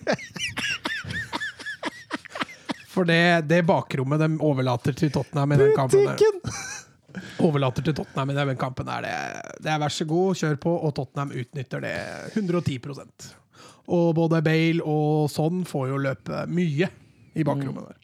Skal det sies at forarbeidet til Son på den 200-gålen, det er klas, altså. Ja, det der kommer seg forbi det første der. Ja, to, han kommer seg forbi Ja. to taklinger der. Og legger den der, og så tenkte jeg det er offside. Nei, han Bale er jo på egen banehalvdel. Og så det Bale gjør med sin nest siste touch før han skyter, at han drar den med seg litt ut til sida. Får litt vinkel. Får litt vinkel, ja. Det gjør avslutningen for han mye enklere. Trekker Ramsdale ut, og så er det Ja, bare rett opp. Nydelig satt. Og, og, og Bale banker inn 3-0 på Det var litt sånn som å se Bale i Tottenham sist periode, dette her. Han banka Ja, dem inn fra det var jo langt jaggu på tide at han fikk et nytt hat trick. Det var jo 2012 eller noe sånt, forrige hat trick i Tottenham, så det var på tide. Men den fineste skåringa, da, den eh, sto vel kanskje Weng Min Son for på 4-0 der. Ja, nydelig skudd. Det er sånn, litt, litt sånn sånn varemerkemål, føler jeg. Han uh, skårer en god del sånne. Sånn, det. Sånn, sånn skårer sånn. og, og, og med den assisten og det målet for Hoeng Min Son, så er han eh, sammen med Kane og Fernandes har han eh, i Premier League da Flest poeng. ja, så Målpoeng. flest eh, Nei, eh, dobbelt Åssen skal vi si dette? Tosifra både assist og mål. Ja. Ja. Tosifra assist og Han har både dobbelt mål og assist, her går det gærent. Og, og Tottenham vinner jo 4-0 på en dag som Søren sier eh, Kane var like svak som Sheffield United. Ja, men altså, og, og det det jeg også tenker etter 4-0 Det står 4-0, og de har fortsatt lyst til å spille fotball. Jeg har lyst til å skåre. De har lyst til å score. Det, det er så anti-Mourinho som det går an å bli, altså. Og Det det, det er skikkelig gøy å se. Var litt deilig for Tottenham. Ja, det kan jeg tenke meg. To there is to do. Det var litt mer i den retningen nå. og det var jo det også Ryan Mason lovte når han tok over, at OK, jeg er kanskje fersk og dette, men jeg skal love deg at vi skal Nå er jo han Angripe. også i en posisjon da hvor det er bare å vinne. Ja, han har alt å vinne. Ja, og så tenker jeg altså, Du nevnte jo det litt det presspillet, og det er jeg helt enig i. Presspillet var bra, det offensive. Eh, men når det kommer til det med spilleglad, det er litt sånn den samme effekten som Solskjær fikk i United når det kommer inn etter Mourinho. Når du, når du sier til gutta at nå går vi ut og koser oss, da går de ut og koser seg. Det var jo også tydelig i det intervjuet med Bale etter kampen. Lite stikk til Mourinho der. Ja. Eh, Bale, ni mål i Premier League. Eh, Skåring hvert 81. minutt. Det betyr at han er best i ligaen i forhold til spilletid, foran Ienacho, Lingard, Yota og Kane. Det er ikke dårlig av Gareth Bale, Matt. Nei da, vi skal ikke frykte det, men jeg mener å huske vi hyller han stort sett hver gang han har møtt et sånt der ja, ned nedrykkslag. Ja, Så han, er, han har til gode å imponere når han skal møte de litt bedre lagene. ja. Han har vært veldig variabel i år. Veldig. Det er ikke sånn at jeg sitter igjen med at dette har vært et vellykka utlån. Selv med de tallene du presenterer nå, så, så er jeg fortsatt ikke overbevist. Men, om men helt greit, eller? Det er jo ikke skandale, heller. Nei, nei altså, med de tallene du nevner, så får vi jo ikke karakterisert som en skandale. Men allikevel, du sitter jo ikke igjen, du heller, tror jeg, med en oppfatning av at han må vi få kjøpt. Nei, altså, det er ikke noe must do her. Det er det ikke. Det, det blir Eh, litt mer romantisk om dere kjøper han, enn Ja. det blir eh, Og romantikk, det ser du i Juventus, at det går ikke alltid like bra. eh, Nei. Petter Støvland, hva tenker dere om Ryan Masons første kamper? Viser mot Sheffield United at han allerede har fått innarbeida et høyt press og er offensiv i tankegangen. Hva er sjansen for at Mason får fortsette, som f.eks. Hansi Flick? Skal du ha en prosent? Ja, nei, jeg har hva, hva Petter vil. Jeg, eh, altså, jeg kjenner jo Jeg tror kanskje du kan gi et bedre Ja, men jeg, det, mer er gøy, gøy å seriøst høre hva svar. dere mener. Synes jeg, Hvis jeg skal si feelingen min, da, for dette blir jo å tippe eh, For jeg har ingen indikasjon på hvor landet ligger i forhold til akkurat det der. Så vil jeg si at sjansen er lav. Jeg tipper Mason ut sesongen og Wenger. Du kjører en god gammeldags Bayern München der, ja. Etter Kovac. eh, hvis jeg skal si da, at det er ca. 10 da, Jeg hadde, jeg hadde tatt 20. 20 Altså, det er jo Jeg tenker jo at for, for han så er det jo en slags eksamen, da.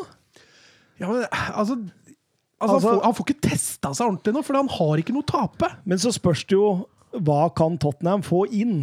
Det er jo det det handler om, ikke sant? Altså Hvis vi får inn en, en Scott Parker, en Graham Potter, så kan man like godt prøve Mason, syns jeg. Altså, okay, kjør neste sesong, så ser vi hvordan, hvordan dette bærer. Men får man inn Ragnhild, en Ten Hag, så, så er nok kanskje Masons tid litt i framtida.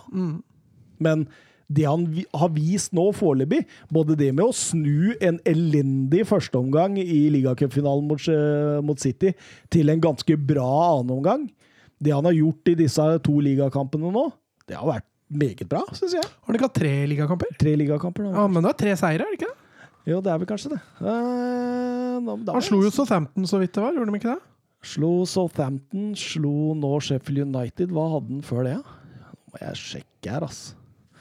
Ble du usikker? Ja, jeg blei veldig usikker.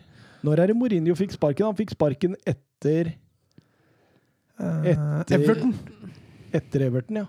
Det gjorde han. Ja, og etter Everton så var det Southampton. Southampton. Og så, Og så var det Nei, det er bare to ligakamper. Ja, Det er helt riktig. Han har 2-1-seier mot Southampton. Han har 1-0-tap mot City i Carabao Cup-finalen. Og 4-0 nå mot Sheffield United. Han vil møte Leeds borte, Wolverhampton hjemme, Aston Villa hjemme og Leicester borte. Ja, det er litt med eksamen. Uh, Sheffield er jo det svakeste laget i Premier League, og Southampton er vel det svakeste laget i Premier League hvis vi bare ser i 2021. Ikke veldig god form i, i Southampton for tida, nei. Nei, Leeds borte og Leicester borte i siste. Det, der får vi nok eh, litt mer pekepinn på hva Tottenham har å by på. Eh, City er jo vanskelig å bedømme ut fra, vet du. Det blir veldig moro, da, fordi altså, Leicester har Newcastle hjemme, den er grei, men så har de Manchester United borte. Og så har de eh, så, har de, så har de Chelsea borte.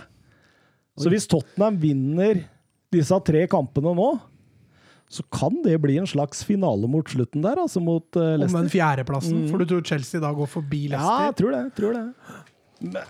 Det ligger litt i framtida, så Ja, ja, men sikrer han fjerdeplassen, da øker, Da- Jo, øker jo mulighetene. Da har han gjort det bra.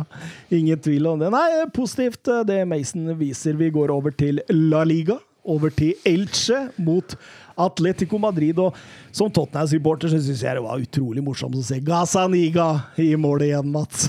Vet du hva jeg husker for det var vel to-tre år siden? Så spurte jeg deg har Tottenham noen kjekke fotballspillere. Ja.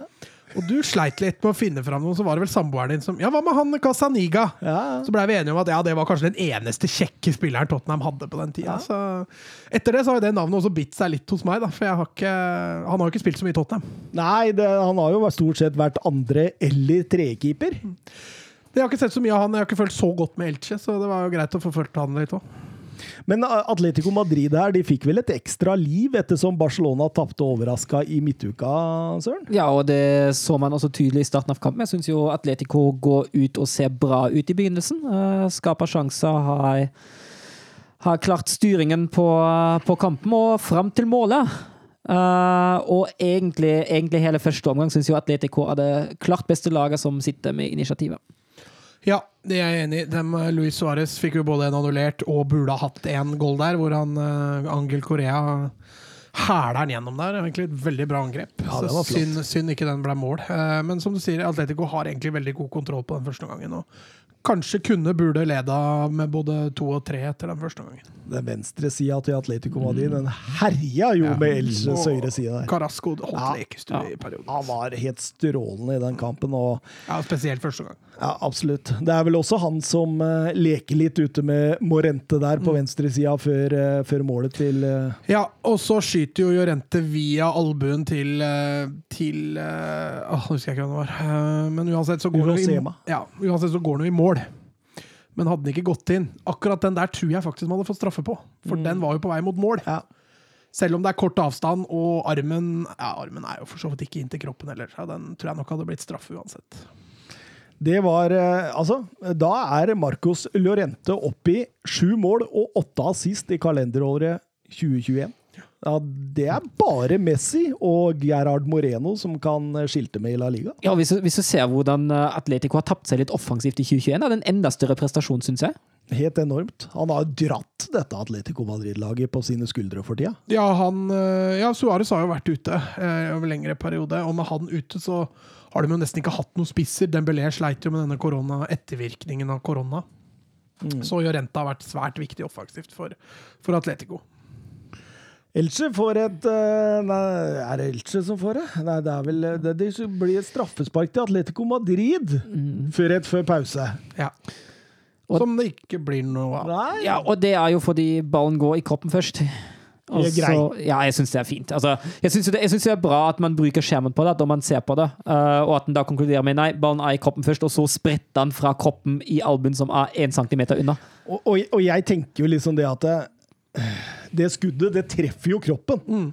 Så det, det går jo ikke an å dømme straffe på det. liksom. Og det, er- det, det er fair og rettferdig og god bruk av VAR. Ja.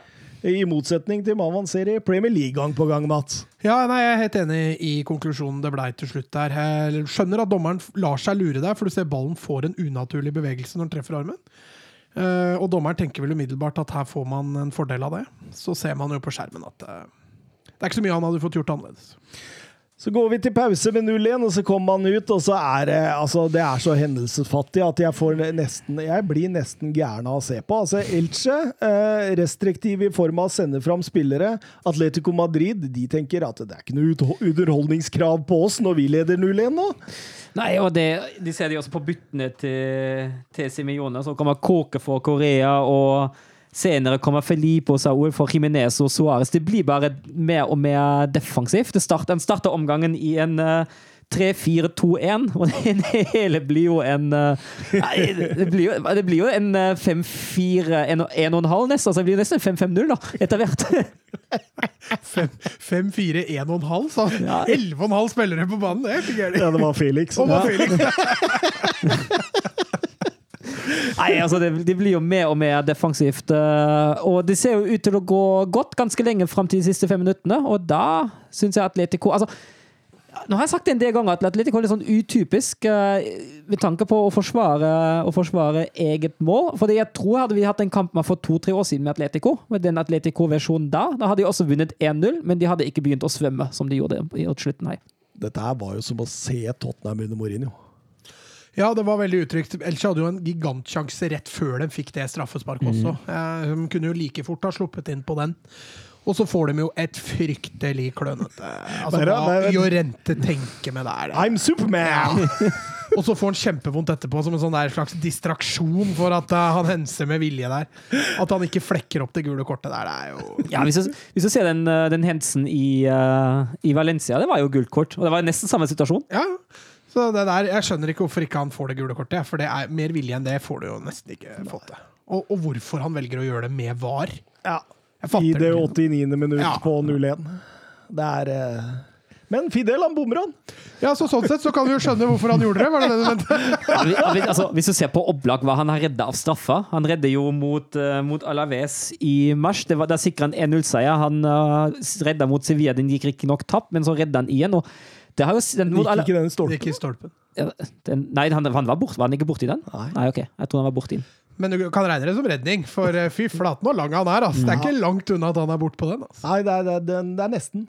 Ja, Hadde han men, gått innafor stanga, så er det faktisk ikke helt usikkert. jeg tror ikke han får registrert det. på. Nei, nei, jeg tror ikke det. Men, uh, men altså, i hvert fall det han ikke har sluppet inn av straffa Det, har, det, hvis, det var fire poeng alene som Atletico har vunnet på det. Ja, ja, han er jo strålende. Han er strålende. Godeste Oblak. Hvis det- vi skal lage en liste, så kommer vel han på topp av keepere. Ja, det er én som har skåret på ham i La Liga på straffe denne sesongen. Ja, det er vel han keeperen din. Det er Dimitrovic. Det var eneste som turte å ta straffe på. Dette var Kåkes 350. Atletico Madrid-kamp i La Liga, Mats. Eh, kun to spillere som har mer kamper for La Liga, i La Liga for Atletico. Det er Adelardo og Thomas Renones, hvis det sier deg noe? Nei. Nei. Det er nok fra god tid før meg, tror jeg. Ja, Så eh, han begynner å klatre på adelskalenderen, godeste Kåken nå. Eh, vi drar over til Real Madrid mot Osasona. Eh, Eden Hazard fra start, god. I hvert fall første omgang. Ja. Livlig førsteomgang, ja, det kan vi understreke. Eh, Burde hatt en scoring. Eh, driver opp mye av det lille Real Madrid produserer i første omgang. Eh, så han er jo livlig. Jeg syns Benzema virker litt sliten etter den første omgangen. Og så er de relativt solide bakover. Det er et horribelt tilbakespill fra Militao der som nesten ender gæli, men eh, bortsett fra det så syns jeg Real har grei kontroll. Ja, og Sassona er jo bare ute etter å holde null. Uh, og jeg syns kontringssikringa til Real er god. Den offensive markeringa fungerer. Shimi Avila tilbake. Shimi Avila. Åh. Ja, ja. Første start siden januar 2020, så det er over et år siden sist han starta. 462 dager siden sist. Og hvis du ser mm, de siste par eh, sesongene, så har eh, Osasona uten Shimi Avila tapt nesten 40% av kampene. Med Shimi Avila tapt kun 20-ish prosent. Ja. Så det er åpenbart at denne spilleren her er jo ekstremt viktig å få han i gang nå. Ja, det er eh, nok ingen tvil om da. Altså, Osasona, dem eh, De er jo foreløpig ganske trygt på i forhold til nedrykk. Det blir jo ikke snakk om noe nedrykk, men hvis de greier å få opp han igjen i matchform til neste sesong, og greier da i tillegg å skulle klare å få noen forsterkninger, så kan det bli spennende. De kjemper jo akkurat nå om en plass på, på øvre halvdel. Men jeg, jeg, jeg syns Real Madrid spiller en god fotballkamp igjen, tvers igjennom her. Det er, det er ikke så Altså, veldig Milita- bra. Militao burde hatt hat trick i første omgang. Altså, de, altså, fantastisk keeperspill er ikke det, men eh, han får noen sånne clear headings der som bør gå i mål. Altså. Den der liggende volleyen etter 55 minutter der, hvor han uh, leker Karate Kid. Men det kommer etter dødballet Det er ikke noe, det er ikke Ja noe spill her. Ja, det er akkurat det jeg er enig med Søren. Altså, eh, Real Madrid er ganske solide i den kampen her. Uh, De slipper til veldig lite. Men jeg syns ikke Real Madrid er flinke til å produsere så altfor mye i åpent spill. Vanskelig, da. Altså, Osasona er jo tidvis nede i en 6-3-1 der, og åpenbart at det, det var det poenget de skulle ha med tilbake til Pamplona, Matt. Jo, ja, og du kan jo også si at Madrid mangla de to kreative fra midtbaneposisjon, i Kroos og Modric. Eh, Hazard var riktignok tilbake igjen, men, og det har nok mye å si for det etablerte angrepet til Real Madrid. Det er det nok ingen tvil om. Ja, jeg synes særlig Kroos, fordi jeg syns Hazard fylte i hvert fall i første omgang som du sier, Modric-rollen veldig godt oppover i boksen. Jeg syns den fungerte. men Kroos som pleier å strø de pasninger som er så presise i crossene sine, som setter opp, eh, setter opp uh, vingene i gode posisjoner, det savnet du litt. Casemiro prøvde å fylle en rolle, men han er ikke Krås, altså. Ikke på den måten. Kråserne sine. Pling! Krås med kråserne. Men Ede Militao, han eh, Alle gode ting er tre når han setter 1-0 et kvarter før slutt. Etter dødball, kona. Etter en Men det var, det var en strålende heading. Det var kanskje den beste headinga han hadde hele, hele matchen, for den er mer stillestående. Avstanden til mål er ganske stor. Han får allikevel vanvittig trøkk på den headinga, og helt borti hjørnet. Og da får jo Real Madrid eh, større rom etter 1-0, og eh, hva sier vi om målet til Casemiro? Nei, altså Det første jeg tenkte at det er litt sånn Lukaku-mål. Hvis du tenker på Lukakos første første touch i, eh, i Premier League. Det kunne Lukaku ha skåret. Og Petter Wern i mottak. Ja, ja, ja. Det var bra skudd. Ja, Han han var selvfølgelig ikke med vilje i det hele tatt. Han prøver å ta med seg ballen der, og keeperen er på vei ut, for han tror ikke Casemiro skal ta den ballen, tror jeg. Så han feilberegner. Casemiro får en fot på den, og den triller i hjørnet, den. Ser han ler når han åpenbart Men Men eh, klasse av Benzema der som venter på løpet, og treeren, eh, timingen er jo Det går jo ikke an å slå en pasning bedre, tenker jeg, når du slår den i et bein som ikke skal skyte, men det likevel blir mål. Da er det en meget, meget god assist. Ja, jeg syns det. Men ja, nei. Det var ikke noe planlagt fra Casemiro sin side, i hvert fall.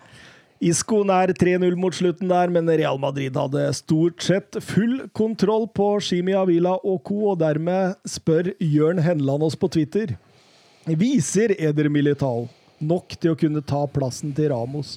Har knapt gjort, nok gjort en feil i Ramos sitt skadefravær. Ja, som Mats har vært inne på, han hadde jo litt den, eh, det russiske tilbake. Så jeg, synes, jeg, synes, jeg er stort sett enig med, med Jørn at den har vært solid sett under ett.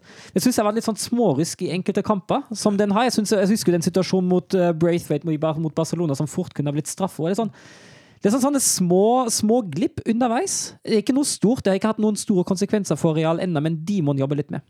Men det er jo glipp Ramos også har, da. Eh, Ramos er ikke noe perfekt stopper sånn sett, han heller. Men eh, jeg skjønner også hvor Hendeland vil hen. Eh, jeg syns også Militao har stått fram bra. Mer enn det man kanskje forventa på forhånd. Og det prater jo absolutt til Militao sin fordel, men om han er god nok til å gå inn og erstatte Ramos nå, det er han ikke ennå, altså. Men det som har overraska meg positivt, er at han har gjort det så bra mot Chelsea og mot Liverpool. Liverpool, ja. At han overlevde det på en bra måte. Og det prater absolutt til hans fordel. Men eh, Varan vil jo åpenbart bo bort. Det går noen rykter om det. Ja. Ramos skriver fortsatt ikke under ny kontrakt. De har henta Alaba. ja. Eh, Hva tenker vi midtstopperparet Alaba Militao? Åssen tror du det vil Er det godt nok for å for en ny, stor Real Madrid der, da? Nei, jeg tror fortsatt at Ramos blir, jeg, da. Og Alaba, hvis det mister Varan, så blir Alaba bare en direkte erstatning for, for Varan. Eh, og hvis Ramos blir, så er fortsatt Militao på, på benken, tror jeg. Ja. Jeg, eh, jeg syns han har vært strålende. Han leder Militao. Jeg er litt overraska hvor restriktive dere er nå. Altså, han har jo noen sånne Opamecano-feil, jeg har sett de, jeg òg. Men jeg syns jo det der er Roma Han er 23 år. Han tror med rett utvikling og nok tillit nå, så kommer han til å dominere med den eh, fysikken og den eh, er helt rå, spør du meg. Jeg, kjør han, kjør han hele tida, tenker jeg. Men det er meg, da. Ja. Valencia-Barcelona, Mats. Her har du vel noe du skulle sagt? Ja, det var jo en, eh, en egentlig bra gjennomført kamp av eh, Barcelona, syns jeg. Eh, Første omgangen var ganske solid. Burde ha hatt et mål eller to i løpet av den omgangen. Messi og Pedri til sammen har ni pasninger mer enn det hele Valencia-laget hadde til sammen. Men, nei, men som sagt, Barcelona dominerte jo ballen fullstendig. Det var det jo ingen tvil om. Og de spede kontringsforsøkene med Maxi Gomez var jo forferdelig å se på fra Hadde jeg vært Valencia-supporter, i hvert fall. Begynner han å se litt lei ut? Ja, altså, og så er det så overraskende at han- får så mye tillit. Altså, Han skårer jo ikke mål! Nei, og ikke Og så gjør Manu Vallejo, da, som kommer inn i ja, nå er lenge siden han har skåra, da, men kom jo inn i en lang periode som supersub og skåra jo jevnt og trutt. Um, det er litt overraskende at Gomez får så mye tillit. Men samme det. Eh, Barca de dominerte greit i første omgang, og litt flatterende at de går til pause altså med 0-0. Ja, nei, det var det. Men det var, var jo likevel Det var jo ikke noe sjansebonanza. Det Nei, var, og det var mye nesten. Jeg syns Barca er veldig tålmodige. De skal liksom spille seg helt inn. Og de får jo to gigantsjanser i løpet av den første gangen som, som bør skåres på, men uh, det er som du sier, det er ikke sånn et mål hvert, eller en stor sjanse hvert femte minutt. Det er det ikke. De har vel to store sjanser i løpet av hele første omgang. Så eh, kommer Valencia ut i annen omgang, og plutselig ser det ut som de vil begynne å ta disse overgangene sine. Gedes har en stor en der, og, og på påfølgende corner så er det ingen andre enn Gabriel Paulista som header inn. eh, Hakkekylling. Men hva, driver Lengle med deg, altså? Ja, det Altså, herregud. Det er ikke veldig overbevisende det Ter Stegen driver med heller. Altså. Nei da, men Der er det litt flere som surrer, men jeg er helt enig. Lengle, mannsmarkering, det er eh, Men Ter Stegen, hva gjør du der? Du, du løper rett i Ja, Som står og klager etterpå at du ikke får frispark. Så skjønte jo fort når den gikk til VAR at jeg kan jo ikke dømme frispark her, da er det jo korrupsjon. Så eh, man skjønte jo at det der ville bli mål. Men det tok ikke lang tid før det sto 1-1, Mats. Nei, fikk jo et straffespark der, da. Eh, Barca ja, Messi sin straffe er jo ikke bra, selvfølgelig. Men eh, all ære. Altså, Busquets, for en kamp han spilte der, altså. Det er lenge siden jeg har sett han så bra. Ja. Det hadde vært artig å gått inn og sett hvor mange baller han vant i løpet av den kampen der. Det, det går an å finne ut. Ja, det tror jeg var mye. Jeg tror han vant mange baller. Og samme da, han er der på returen på straffa, får ballen inn igjen, og så er det Pedri som skyter og blir blokkert, og så er Messi på tredje ball, kan vi si det? Ja. Og setter inn eh, 1-1 der, og sikkert veldig letta når straffe bomma. Fryktelig dårlig straffa, Messi. ja, altså Det er kun Eibar i topp fem-ligaene som har bomma på flere straffer enn Barcelona i år. Mm. det sier seg sjøl. ja, det Eh, Men eh, det blir jo en grei match etter hvert, Mats. Ja, eh, det gjør det jo absolutt. Eh, Grismann eh, får lov til å sette 2-1 ganske kjapt etter der igjen. Eh, Litt synd på Sillesen. Redda straffe, redda nydelig mot Frenke Frenkie de Jong, og begge to havna i mål likevel. Men, men bør ikke han få den lenger unna, syns du? Jeg vet ikke, Den kommer med så mye kraft. Jeg, syns det, jeg, syns, jeg tror han har nok med å holde den ut. Ja. Nei, han lander jo i hvert fall rett i beina på Grismann, som får en uh, veldig enkel jobb der med å sette Jeg har lyst til å hylle litt de Jong òg, for de løpene han tar igjen Ja, ja. i den kampen i, i boksen, det er, det er strålende. Jeg syns de bevegelsene de Jong tar under hele matchen. Jeg syns han beveger seg veldig klokt og veldig, veldig bra. Ja, han har god timing på løpene sine inn bak, det er jeg helt enig i. Og det som også kjennetegner litt, er at han, han gjør det ofte når enten Messi har ball, eller en av de kreative bak har ball. Sånn at han veit at det er en mulighet for at han får ballen. Eh, så jeg syns timingen og valget de Jong gjør på de løpa, er eh, blitt mye bedre. Og vi etterlyste det jo. Ja. Men tenk hvis han får et sluttprodukt òg? Ja, men han, altså, du kan ikke forvente, altså, han har jo skåret en del. Jo, men han bommer på så ekstremt store Ja, jeg er enig i det. Jeg har ikke noe gode argumenter. Han har hatt noen grove bord. Men at han kommer på det, men det er jo en Altså, stor, stor pluss. det resulterer jo i mål, det at han faktisk gjør det denne gangen. i hvert fall. Messi 3-1 på direkte frispark. Ja, det går lenger og lenger mellom hver direkte frisparkmål for Messi nå, men når han først treffer, så er det jo like vakkert som vanlig. Det var hans 50. direkte frispark eh, for eh, klubben. Eh, og etter 3-1, eller 1-3, da, som det er siden dette foregår på Mestalla, så, så har jo Barcelona De skrur ned tempoet litt. De gjør det. Og det er jo for så vidt forståelig, men her ser vi også at Barcelona fortsatt mangler litt på kynismen, eh, hvis du skal spille på denne måten. Jeg har sagt det før, jeg sier det igjen, jeg syns det er kjipt at de gjør det. Jeg vil at de skal gå for fire. Eh, den- Sånn som Tottenham gjorde. ja, ja, sånn som Tottenham gjorde. det. Det er godt å si nå, Søren. Og heller bare gønna på videre isteden. Så de, blir det mye bytter. Ilars Moriba kommer inn. Uh, ikke det at jeg er imot det, men du ser at han mangler litt den eh, rutinen på akkurat det med å være litt kynisk. Um, og det merkes litt for Valencia. Kommer litt mer inn i det, altså. Men man kan uansett ikke gardere seg for det som skjer når Carlos Soler sitter 2-3 der. Nei, det er bare vakkert. Det, det er, altså, kan, jo, kan jo alltid snakke om at du kan være tettere i press og hele pakka, men altså, det han gjør, det er jo, det er jo så strålende. Det er så fint. så Altså. deilig treff. Og så tror, altså, tror man når Messi scorer at det blir kampens fineste mål, men uh, den vinner nok Soler. Ja. Og Bye, så ser du uh, Ter Stegen. Han reagerer ikke med en gang. For jeg tror han, jeg tror ikke han skjønner at den skal komme så fort. Nei. For den kommer fort, altså. Absolutt. Eh, nei, det, det, Barcelona, tre poeng. Det kunne jo være en potensiell snuble, snublekamp, dette. Ah, Valencia har vært svak i år, altså. Er Jo, men jeg tenker de kommer jo fra Granada-tap, så ah, ja, sånn, ja. Ja, jo, ja, det kunne selvfølgelig. Men eh, jeg, før kampen så tenkte jeg at dette skal gå greit. Så det er klart, når Valencia tok ledelsen, så tenkte jeg mitt, selvfølgelig. Men Shawi Xavi Gracia med sparken i Var i dag eller i går? I går. I går. da var det en, eh, en pressemelding fra Valencia som informerte om at, eh, Peter Lim sparker nok en trener. ja, da er det ferdig. Eh, Hvis man plukker bort eh, straffeskåringene, har Messi 20 mål i La Liga på en XG på, på totalt 11.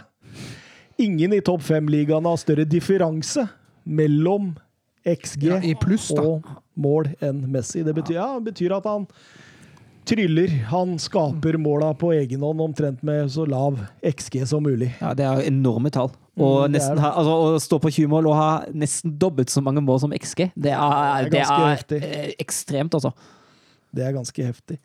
Eh, Messis eh, første i eh, La Liga siden minst 03-04, da Oppta begynte å, å telle slikt, eh, som har missa straffespark og scora på direkte frispark i samme kamp. Ja.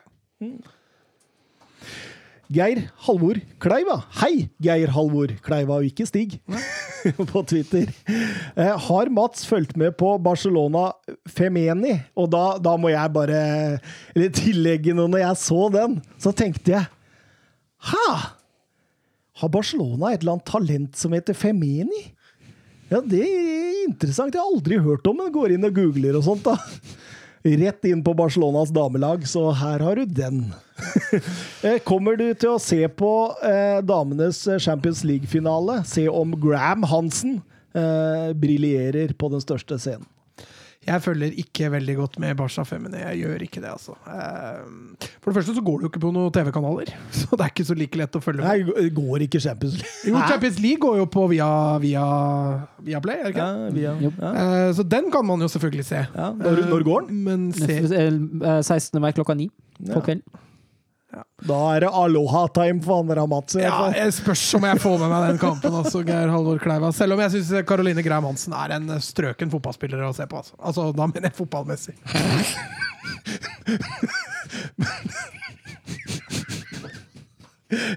Ja, det, det.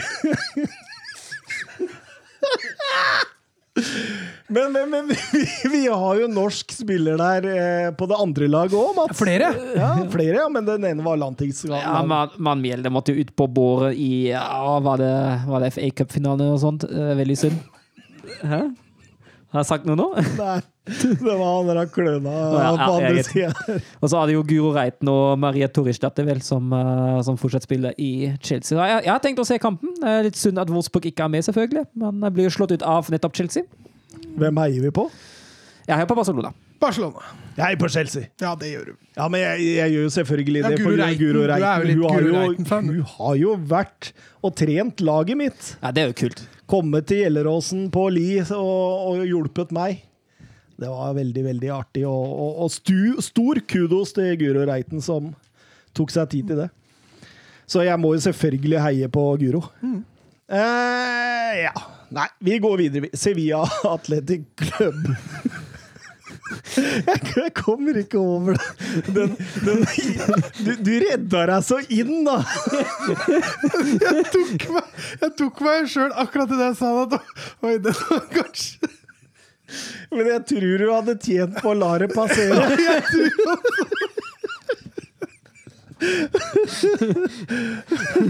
Det, det vil si at jeg redda meg ikke så bra inn. Jeg plumpa mer ut i det. Blei bare verre, faktisk. Det var, så, det var som Frenkie de som skulle skåre på omkast forrige uke og satt den i stopp. Endte opp med å slå luke på egen medspiller. Ja, det er, det er, det er enormt.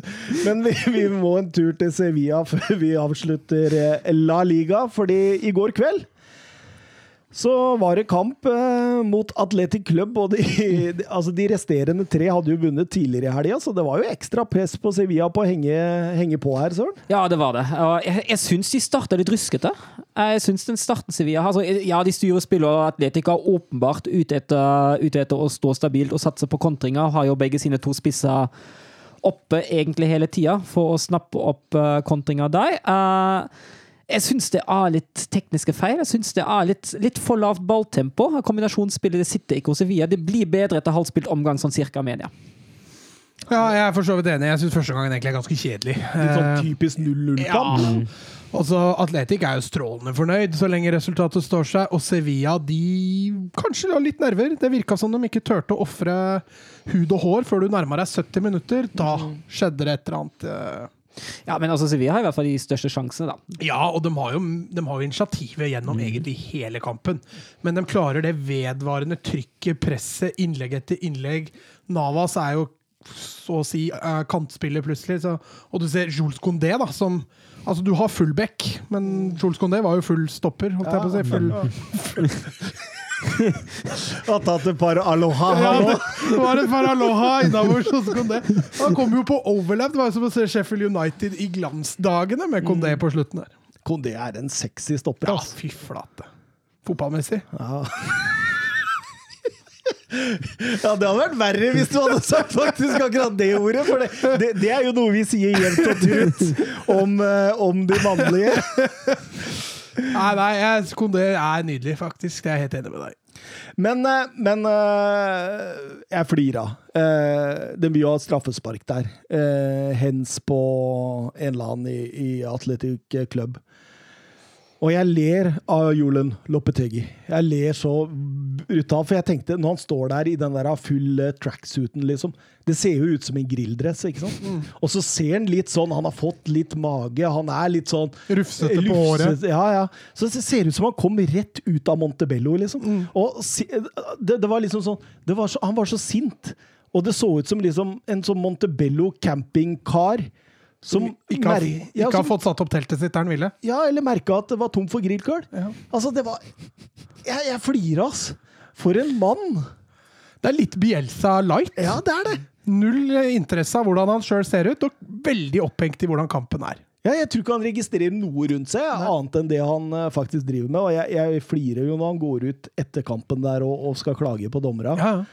Og han gir seg ikke. altså Det er, det er nesten utrolig at ikke den dommeren eh, flekka ut det røde kortet til slutt. der, fordi etter han får det gule, så fortsetter han og fortsetter og fortsetter.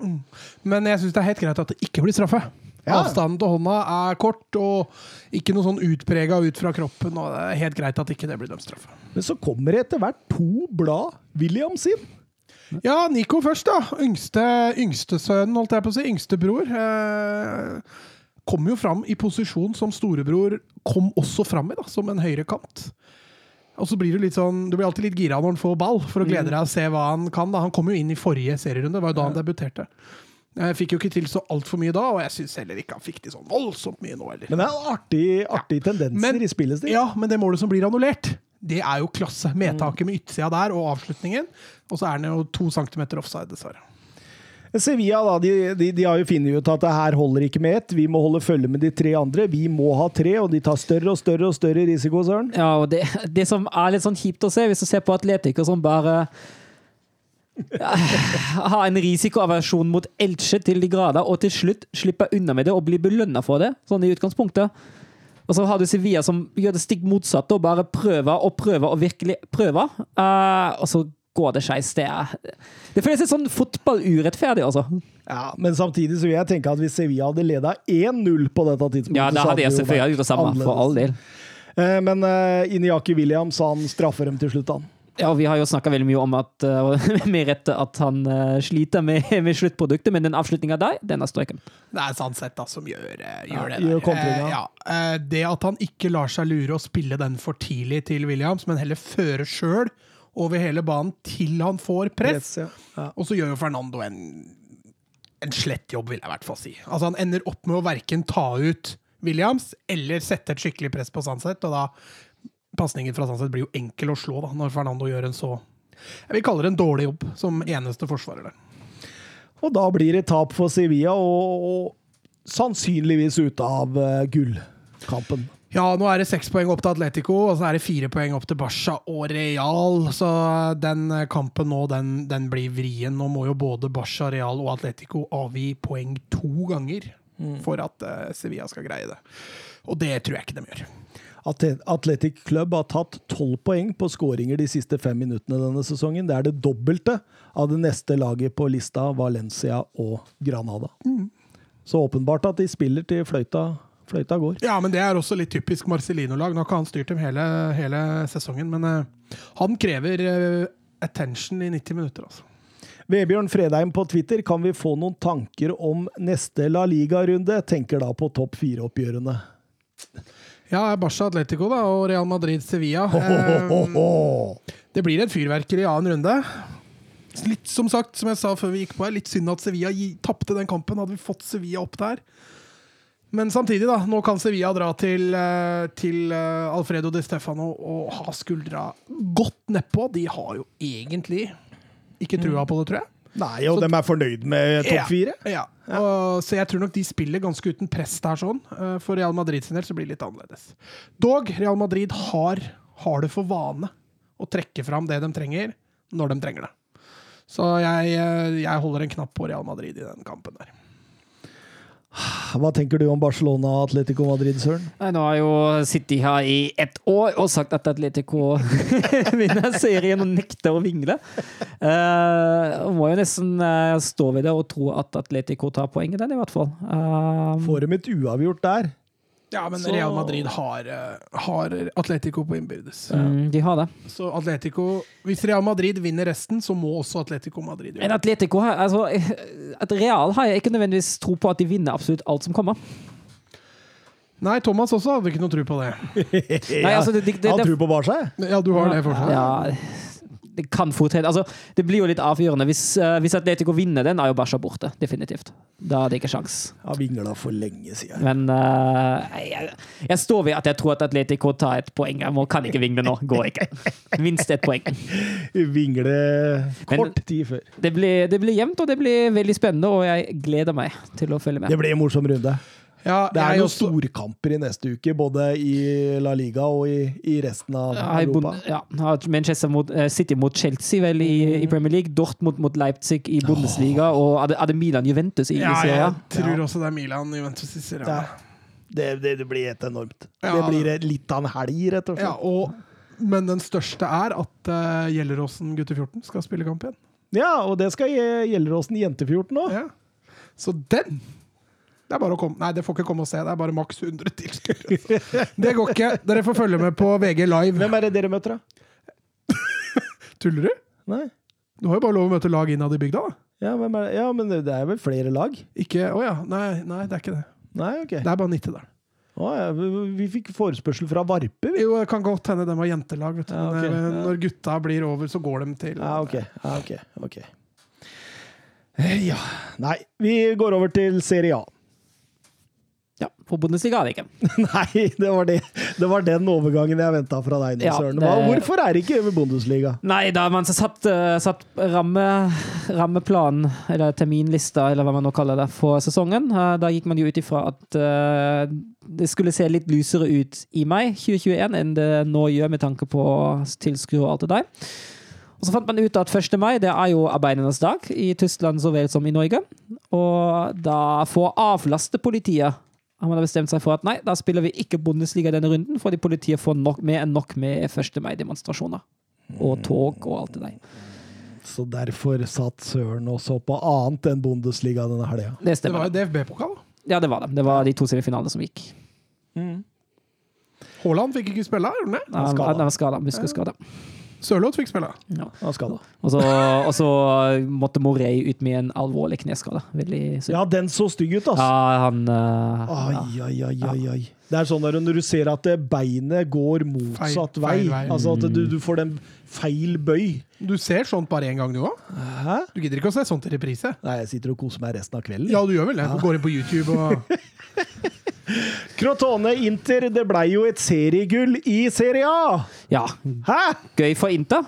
Eh, Fortjent òg, vil jeg si. Og dette har vi sagt hele år. Inter Contes andre sesong, og der traff vi, Mats! Det gjorde vi, og det var litt synd at Inter ikke fikk feire det når de spilte. Ja. Eh, De vant jo over Crotone, og så spilte Atalanta uavgjort dagen etter, så da fikk de feire seriegull på søndag istedenfor lørdag.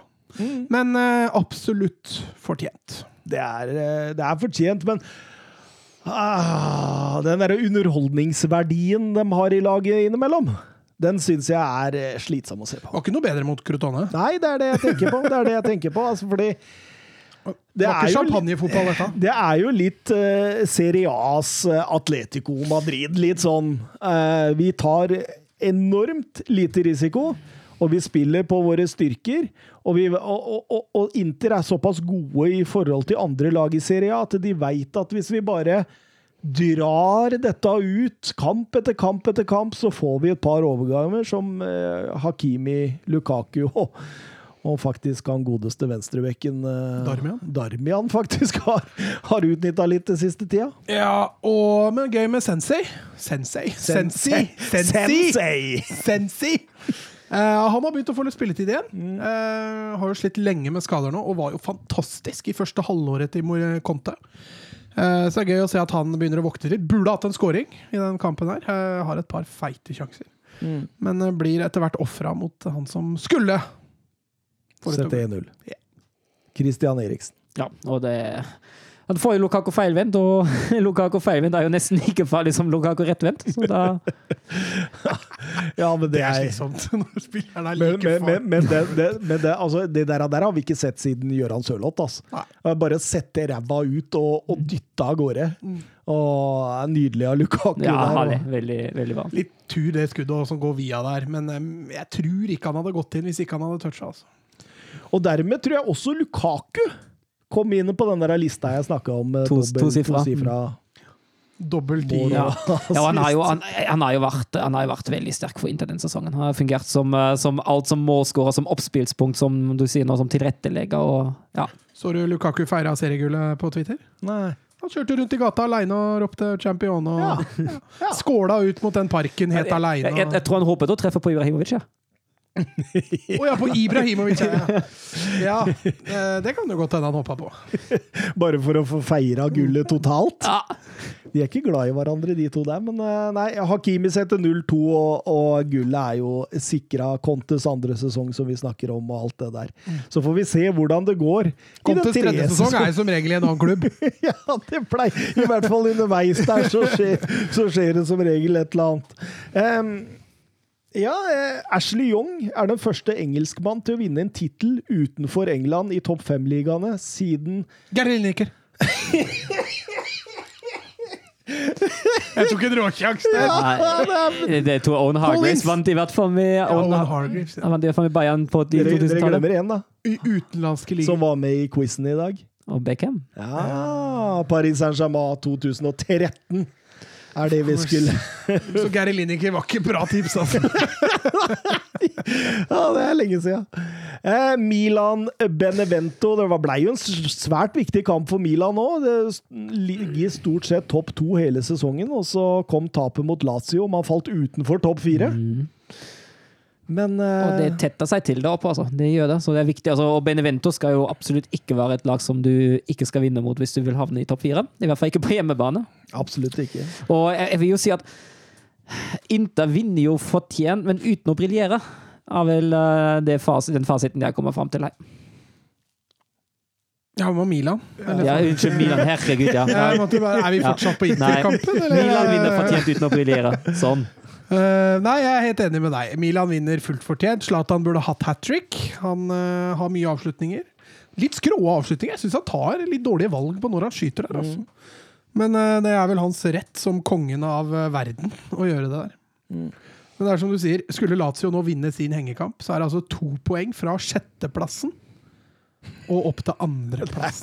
Gale, Mathias. Så det betyr at uh, forskjellen på dårligste Europa League-plassering og Champions League er, den er minimal med fire kamper igjen. Ja, for uh, Milan har uh, full kontroll her, egentlig. Theo Hernandez gjør jo 2-0. Eh, timen spilt, vel, omtrent? Ja, det er et av skudda Zlatan tar der, som det blir retur av. Og Theo Hernandez Hva var den feiringa, så du det? Nei. Altså, det var akkurat som han svømte under vann og hadde vann over hodet. Var det det han mente, kanskje? Han hadde tatt seg vann over hodet. Ja, han hadde tatt seg vann over hodet. flira etter kampen her, og god stemning mellom uh, Ibrahimovic og, og Filippo Inzaghi. Eh, artig å se de to stå og kødde det til på etter kampen der. Eh, aldersforskjellen er jo ikke så stor. Nei, den er jo faktisk ikke Zlatan det. er 39, er han ikke Hvor er det de spilte de sammen?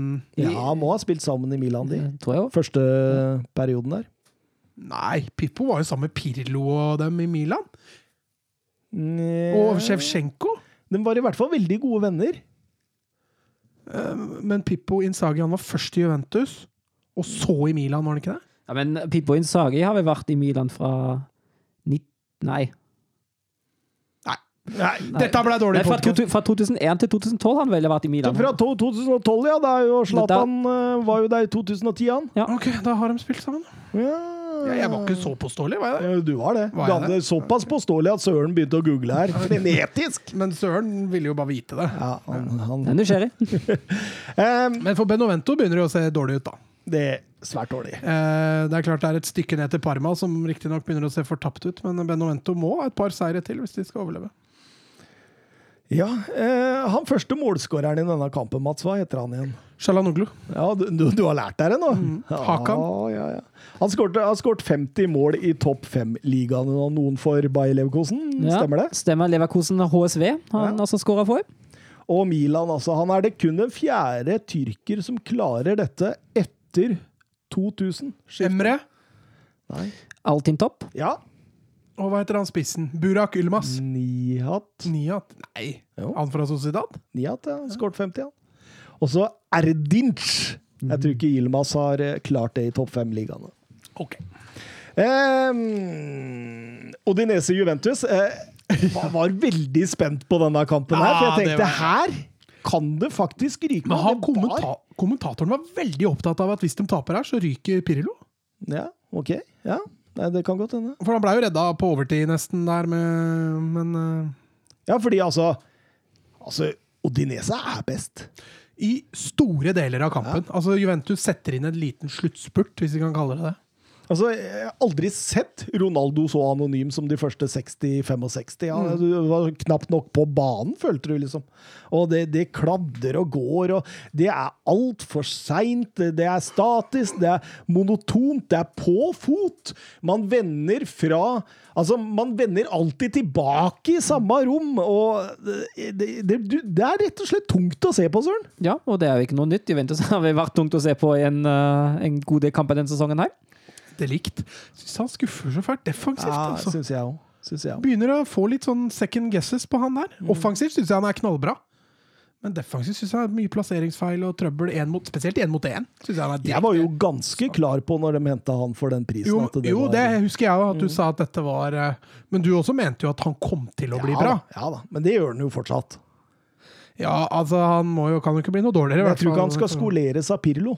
Nei, det tror jeg jeg kan være enig med deg Kanskje Komme seg til Roma nå. Ja, til, til Mourinho.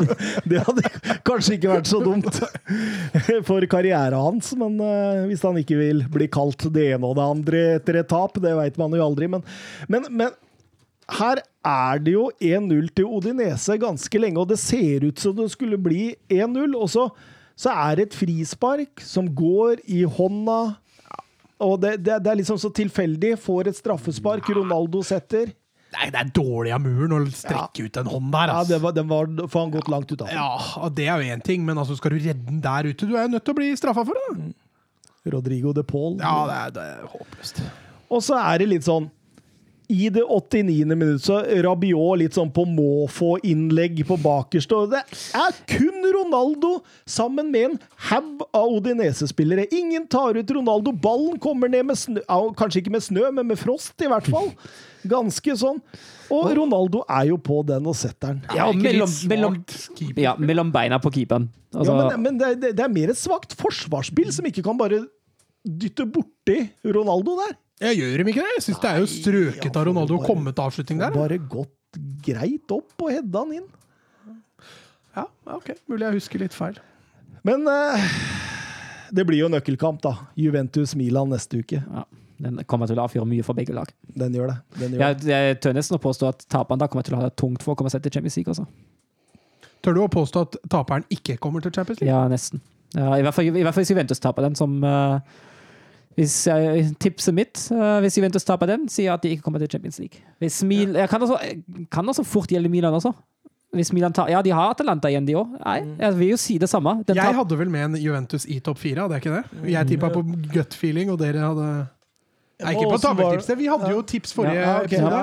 ja. Men på tabelltipset så husker jeg du ville ha Milan Ja. høyere enn oss. Ja. Og vi ble enige, og vi kjørte over deg og satt Milan på fjerde. Ja. Og du var litt irritert, for du ville ha dem på tre eller andre, tror jeg. Nei, jeg tror jeg vil ha dem på tredje. Ja, jeg, jeg, jeg, jeg, var- jeg er bastant. Jeg sier taper mellom Milan og Juventus ikke havner i Champions League. Mm. Kult. Sier kult. det. Få se om det stemmer. Det var i hvert fall Cristiano Ronaldos 27. Serie A-mål denne sesongen. Det er kun Lewandowski som har flere i topp fem-ligaene, tenkte jeg. Han holder koken enda, altså. Eh, og vi må tilbake til 2010 for å finne like mange Serie A-kamper for Juventus på rad uten å holde nullen. Han er oppe i ti nå. Ja, det er ikke noe strateg, denne Pirlo. Det tror jeg vi skal kan sette to streker under, i hvert fall. Eh, Twitter-spørsmål før vi runder av Serie A fra Petter Støvland. Hva tenker folket om José Mourinho i Roma? Ah, Jeg er skeptisk som vanlig med når det gjelder Mourinho. Hvem Eh, skulle ansatt Mourinho hvor du tenkte oi, dette var bra? Nei, Wolfsburg. Land, ja, jeg vet hva det er. Jeg er glad for at den, det ikke skjer. Men uh, landslag, kanskje. Eh, jeg føler at han passer egentlig bedre i et landslag enn i, uh, enn i et klubblag. Jeg føler at hans tid som klubbtrener den begynner å nærme seg slutten. Også. Men hvis han Men- skal ta en liga med storm, Ja. så tenker jeg Ja. Det Serie må, ja, altså, Jeg hvis, det, ja, det er jo enig. Altså, hvis ikke det funker i Italia, funker det ingen steder. Altså. Nei, altså, dette er siste endestasjon. Hvis Og- dette ikke går, ja. Og, og, og nå står toget og venter på hvilken retning han skal ta. Og hvis denne, at denne gangen tar en feil retning, så er Mourinho ferdig i klubbfotballen. Det er jeg ganske sikker på. Det er ingen Ja, i hvert fall i største, Ja, klubber, største største ligaen i Europa. Kan godt hende med, eh, Altså Benfica Porto. Eller Porto eller Ja. et eller annet kan Ja. hende dumper. Men, eh, eller, eller et landslag, selvfølgelig. Men jeg tenker også litt det samme som deg, men samtidig tenker jeg at i Roma, fallhøyden der er ikke så stor. Han kommer til å få litt bedre tid, så lenge han ikke eter omgivelsene sine. Topp fire er det eneste de på en måte egentlig ønsker. Ja, jeg også tenker det, og jeg tror heller ikke det at hvis det skulle bli en sjetteplass, da, hvor han er nære topp fire, tror jeg også er godkjent, på en måte, av klubbene som er foran. Og så får vi se hvor mange sesonger han bruker da, på å få sparken eller ta et overraskende medalje. Eller Tar over for Fonseca, som ikke var sånn utprega populær i, i klubben. Men han har gjort det greit sportslig. Ja da, ja da, for all del. Eh, Men, men laget trenger jo litt fornyelse, da. Altså Smalling, Miktarian Miktarian, ja, var ikke han han jaga ut av Manchester United, da? Ja, Miktarian felte en tåre han i, i dag. Pastore, Tseko, Pedri, Fazio. Her er det mye Nei, som- holder fortsatt koken. Ja, Les, leste en, uh, leste en, uh, en fekt, fekt nå at uh. Fuck fact om JK! Hørte det sjøl. Uh, en, uh, en fun fact om Oi, oi, oi. En fuck fact om Seko! Ja, nå er jeg spent! Ja, det, det må jo være at han blir plassert i den dype toeren. Han blir omskolert. Han er vel den første spilleren som scora på Old Trafford for tre forskjellige lag i tre forskjellige turneringer. Ja. Etter Seko i City i Premier League, Ja. Seko Wolfsburg i Champions League Stemmer. og CK i Roma i Europaligaen. Stemmer. Nice. United gira den der i annen omgang. De gjorde det. De tenkte at nok får være nok. Ja, jeg tenkte at dette her blir jo faktisk spennende, og så bare Nei. nei. nei. Og så syns jeg var så bra den tweeten til han Arilas For da leda vel vi Areal 2-0, Ja, og Arsenal var en mann mindre. eller noe. ja stemmer. Og Roma led. Og så tweeta han at ja, engelskmennene får det tøft i Europa. Et eller annet sånt. Og så gikk det bare tre Og så var det Arsenal fått bortemålet sitt, og United leda 6-2 over Roma. Så det var fantastisk. Den holdt seg lenge, den, den, den, den elda godt. Men, eh, men eh, Mourinho i Roma, da, han har jo noen altså Combolla, Manzini, Sanjolo, Villar, eh, midtbanestrategen der, den spanske. Da, han har jo noen eh, unge Han har jo noen unge å ta av òg, så Men, men det er vel kanskje greit for Mourinho å ta over et aldrende lag. Jeg ser dere ikke er helt ferdig med fuck-factene. Det, det, det, kan, det kan bli en egen spalte. Sørdøpkers fuck-fact. Vi har fått klage på at vi ikke har så mye spalter. Den var Ja, den fuck-facten der, den skal Nei, det var fint. Vi må en liten tur over til Ligue Ø, hvor eh, Paris Saint-Germain fikk eh, besøk av La. Ja. Eller som, de, som man sier på norsk, de slo lens. Nå, nå er Ducker on fire! Nå er det Slag, altså! Oi, oi, oi, den så jeg ikke komme! Det blir ekstra moro, da. Nå har vi For Vi er jo fulle av piss hele tida. Når han slår til med en sånn en, det, tror jeg aldri. Ah, Nå fikk du ti nye fans. Ja, det er virkelig det. Porcetino hadde jo åpenbart Manchester City i tankene. Eh, Hvilte jo en haug av spesielt offensive spillere. Ja, og jeg vil jo si altså Hvis jeg ser hvordan, hvordan PSG spilte den kampen, så virker det som om spillerne også hadde Man City i tankene. Det var ikke helt eh, 100 og full fyr og høy intensitet, altså. Absolutt ikke. Nei, og Lens kunne jo fort ha skåra et par mål, da. Eller er det Lans? Lan. Lans. la. Lan? Lan. okay. Er det ikke en sånn politiker i Oslo som heter La? Ja, hun er ikke det hun grønne partiet, eller noe? Grønne partiet? Ja, Ida Marie Lan, eller Er det ikke det heter? Marie Lan. Ja, hun som er for det Ja, miljøpartiet. men, De grønne. ja, LAN. Byrådet. Hun Lan? Ja, hun heter LAN, ja. Da blei vi politikerpodden. Lan. Lan. Ida Marie Nei, Nei, hun, he- hva heter hun? Be- Ber, heter hun Jo, Berg er det kanskje. ja, Berg. Lan Berg. la, Ja, ma- Berg Lan Berg heter det. Heter hun ikke, heter ikke, ikke Gojenberg? Hun vet hva jeg husker ikke. Alle kaller henne bare for LAN. Vi, vi briljerer nå, altså. er dette Skal vi holde oss til det vi kan om fotball? Strålende podkast. Ah, Ja, ja, Nei, jeg syns de er fullt på høyde i perioder. Absolutt. absolutt. Bortelaget, kan vi kalle dem. Bortelaget. Uh, og, og City Faen, nå er det slutt! Kommer City inn her og Herregud, det er nå det skulle gått an å klippe av tatt noen pauser. Skal, skal vi ta en pause, eller? er jeg ute og sykler. Nei, jeg er ikke lenge igjen. Vi klarer dette. Ja, vi har noen spørsmål her også. Å, Ja, men det går fint. Det får, det får Ja, okay. ok. Ja, ja, kom igjen. Kom igjen. Ja, nei, Neymar Ja. setter 1-0 etter en strøken gjenvinning av Julian Draxler. Ja. Og kald og rolig forbi. Han er sur etter der, jeg veit ikke hvorfor. Sikkert fordi det er lenge siden han har scora eller har fått en kommentar. eller et. Så, men eh, 1-0 til PSG eh, i det som så langt hadde vært en ganske jevn kamp. Men det er jo Neymar som er forskjellen. Ja, og det var vel egentlig den eneste klare førstelagsspilleren fra start også for eh, Altså det, er, det er litt rart å si det. altså Draxler starta, Sarabia starta, eh, Icardi starta. Altså, det er ikke dårlige fotballspillere, dette her. Absolutt ikke. Men allikevel er Neymar den eneste si, klare førstelagsspilleren som, som starta. Det er jo han som står for mye av beholdningen offensivt i første omgang. Men, eh, men, men en jeg syns var litt artig, det var denne Arnold Calumuendo Moinga. Han eh, lille spissen på topp der. eh, Paris Saint-Germain. Mats, hva er det? Lan Marie Eriksen Berg, er det ikke det det Ja, ikke Lan til fornavn! La, La, ja, la, la, det la Lan. Marie Ja, og så heter det Berg. Jeg tror ikke det er Eriksen. Marie Berg Lan. Heter hun Lan til fornavn? Ja, hun heter Lan Maria. Ja, hun heter det. Lan Marie. Er noe som- sånt. Lan Marie Ja. Berg. Og så er hun gift med Eivind Tradal, som også er MDG. Ja, okay. Så han heter egentlig Så hun heter egentlig Lan Marie Berg Trædal? Nei, hun har ikke tatt navnet hans. Nei, det er kanskje godt. Jo, nei, det jeg begynte å le av, var Du skulle hatt en spalte. Thomas sier navnet han sliter med å uttale. Ja, Den var det, var Men, men var, var den feil? Kalimoendo Muinga, var den feil? Nei, det er sikkert ikke. Nei, jeg, Jeg har tror, ikke tror, uttalt tror, det. jeg, Jeg- tror jeg har øvd den ganske sånn- bra inn i det. Jeg er ganske smart der, for jeg unngår å prøve å si navnet deres. Ja, sånn som. Han tieren på mila. sier jeg. Nei, vi må jo prøve oss, må vi ikke det? Altså? Ja, det er jo gøy å prøve. Ja, ja, ja. Jeg veit jo at for eksempel at jeg sier Thomas Tuschel feil. Det er jo Tuchel, er det ikke ja. det? Eller Angel Chorea, som du sier. Korea. Correja. Correja? Correja?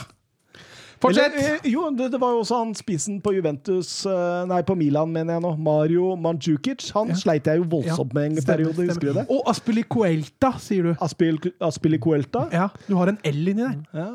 Aspilicueta. Er det det? Ja. Jeg hadde i vår hadde en gang en Georgia som het Skittishvili. Morsomt, det òg. Å, fy faen, nå har vi sklidd ut. Ja, det Sklir ut hele tida.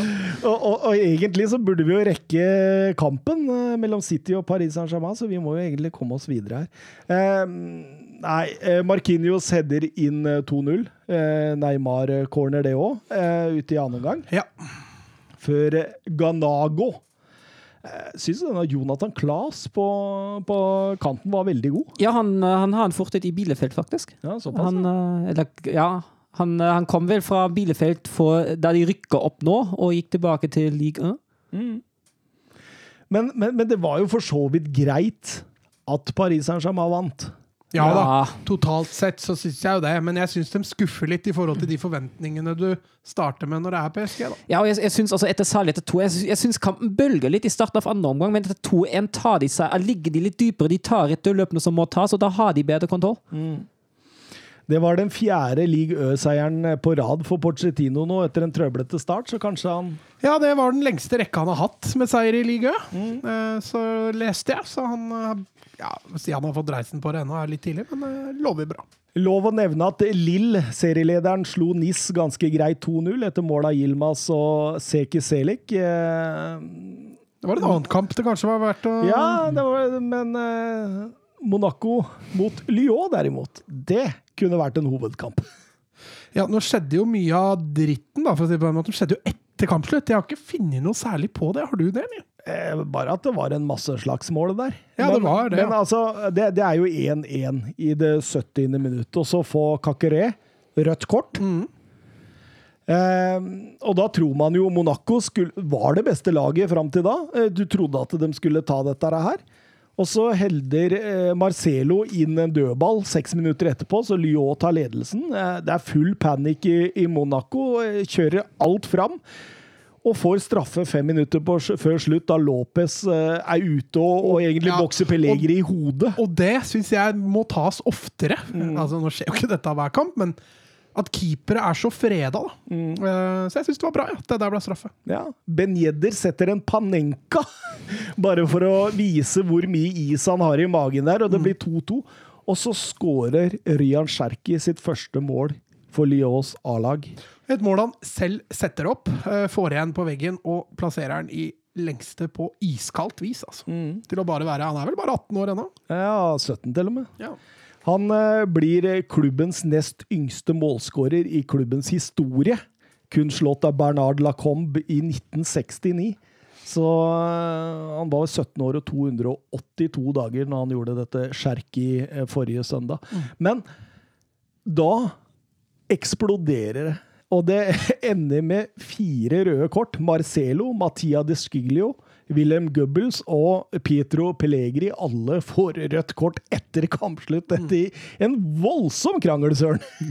Ja, det, det er ikke ofte man har. Det ligger støtteapparat nede i bakken. Og Ja, det, det, det, dette her er sånn Det er Frankrike. Det, er, det er der det ofte skjer. Husker du ikke Paris Saint-Germain den gangen? Ja, men mot, mot Marseille var det Ja. vel. Ja, og det er jo ikke rart at det blir emosjonelt. Det er jo den kampen der Monaco nå trolig har mista alle sjanser til å ta seriegullet.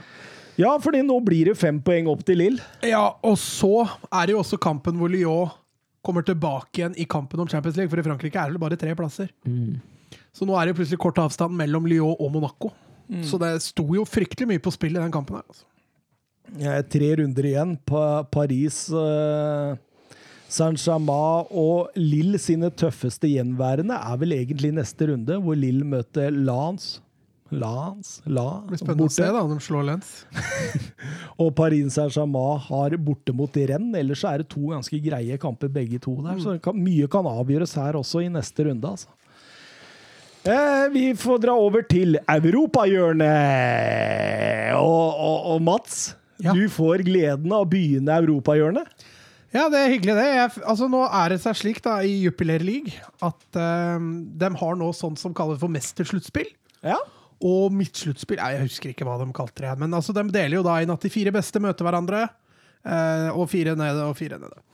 Eh, og det gjør at det blir jo noen artigere kamper, da. Fordi da får vi Anderlecht mot Klubb Brygge, og det var den første kampen jeg fikk lov å, å bivåne. Har eh, Bass Dost vært i Wolfsburg? Ja, Det, det har han. det har han.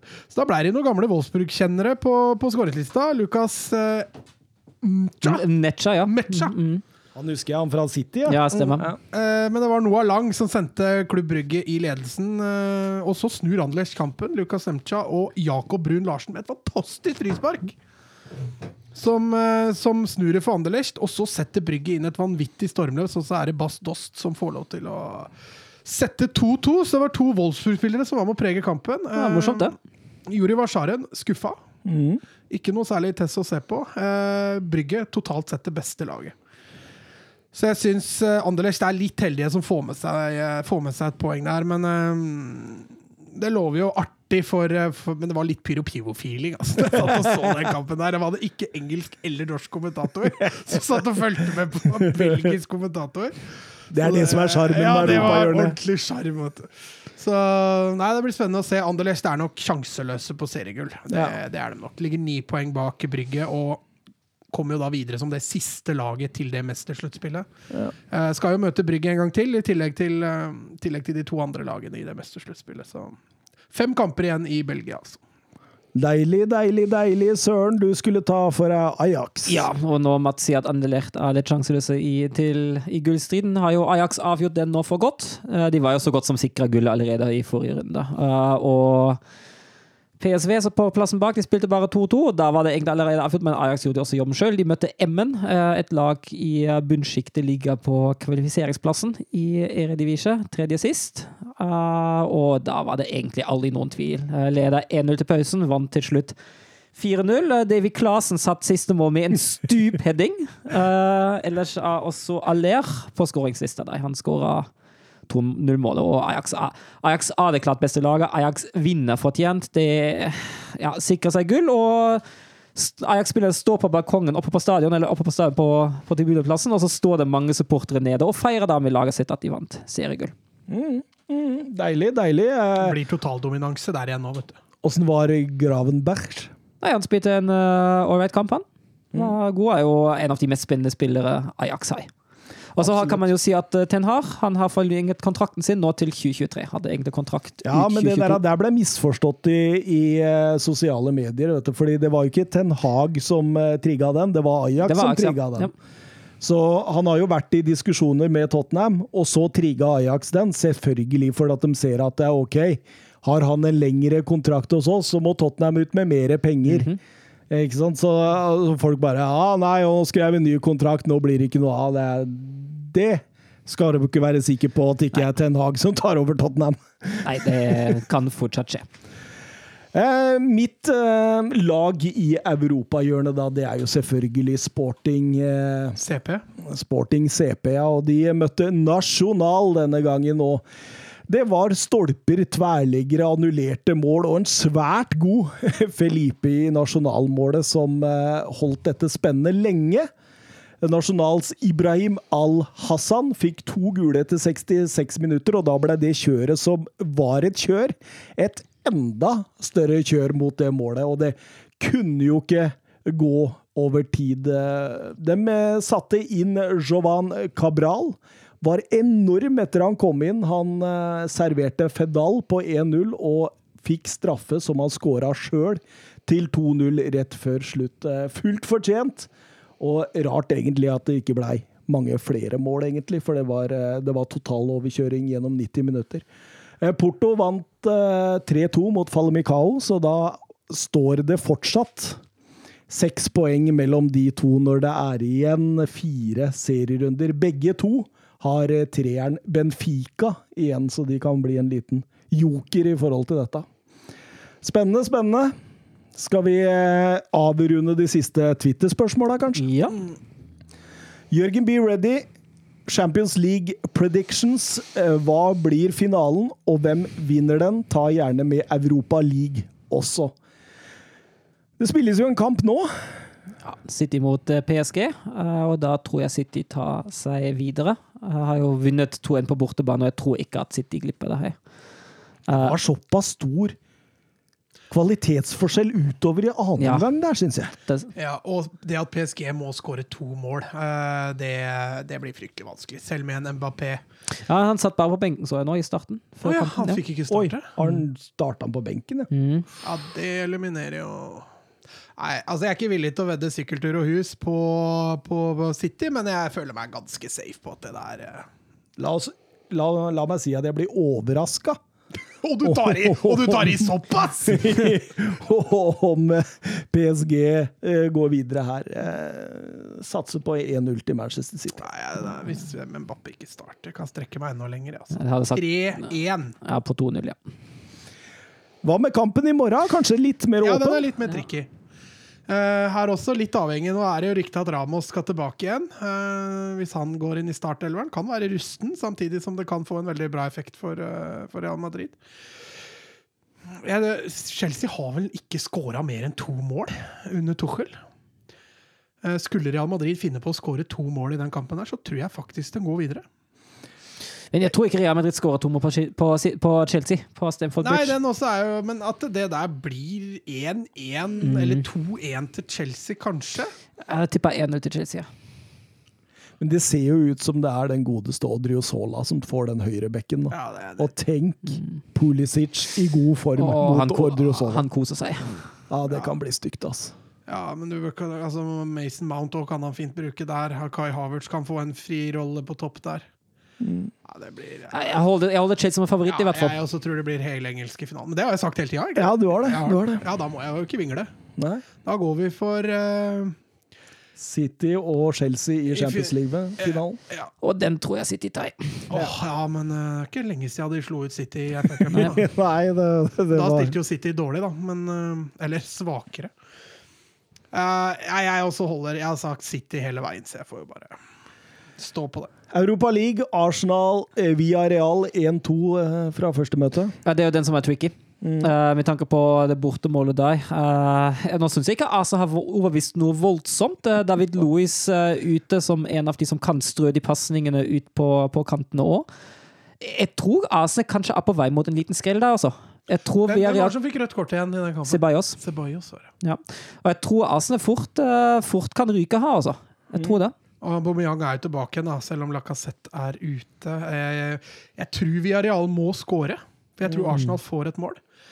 Men at det blir 1-1, kan bli 1-1 der, sånn, det tror jeg også. Så jeg også tror jeg holder en knapp på Villarreal.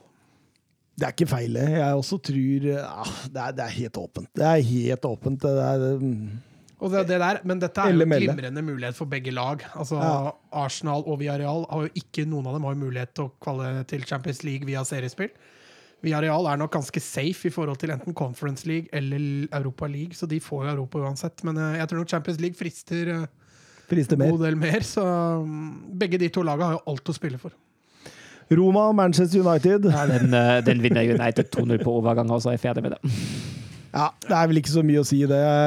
Da, da blir det jo via Real eh, eller Arsenal mot ManU i finale. Det, det, kan, det er vel to år siden det var både helengelsk, Mm. Uefa eller eh, Champions League, ja. Tottenham, Liverpool og Arsenal, Og Chelsea. Chelsea. Kan vi få det i år, da? Ja, Ja, det kan kan det. Kan jo. Nei, jeg tror, men allikevel tror jeg det er litt større sjanse i Champions League at vi får to engelske. Du tror det? Ja.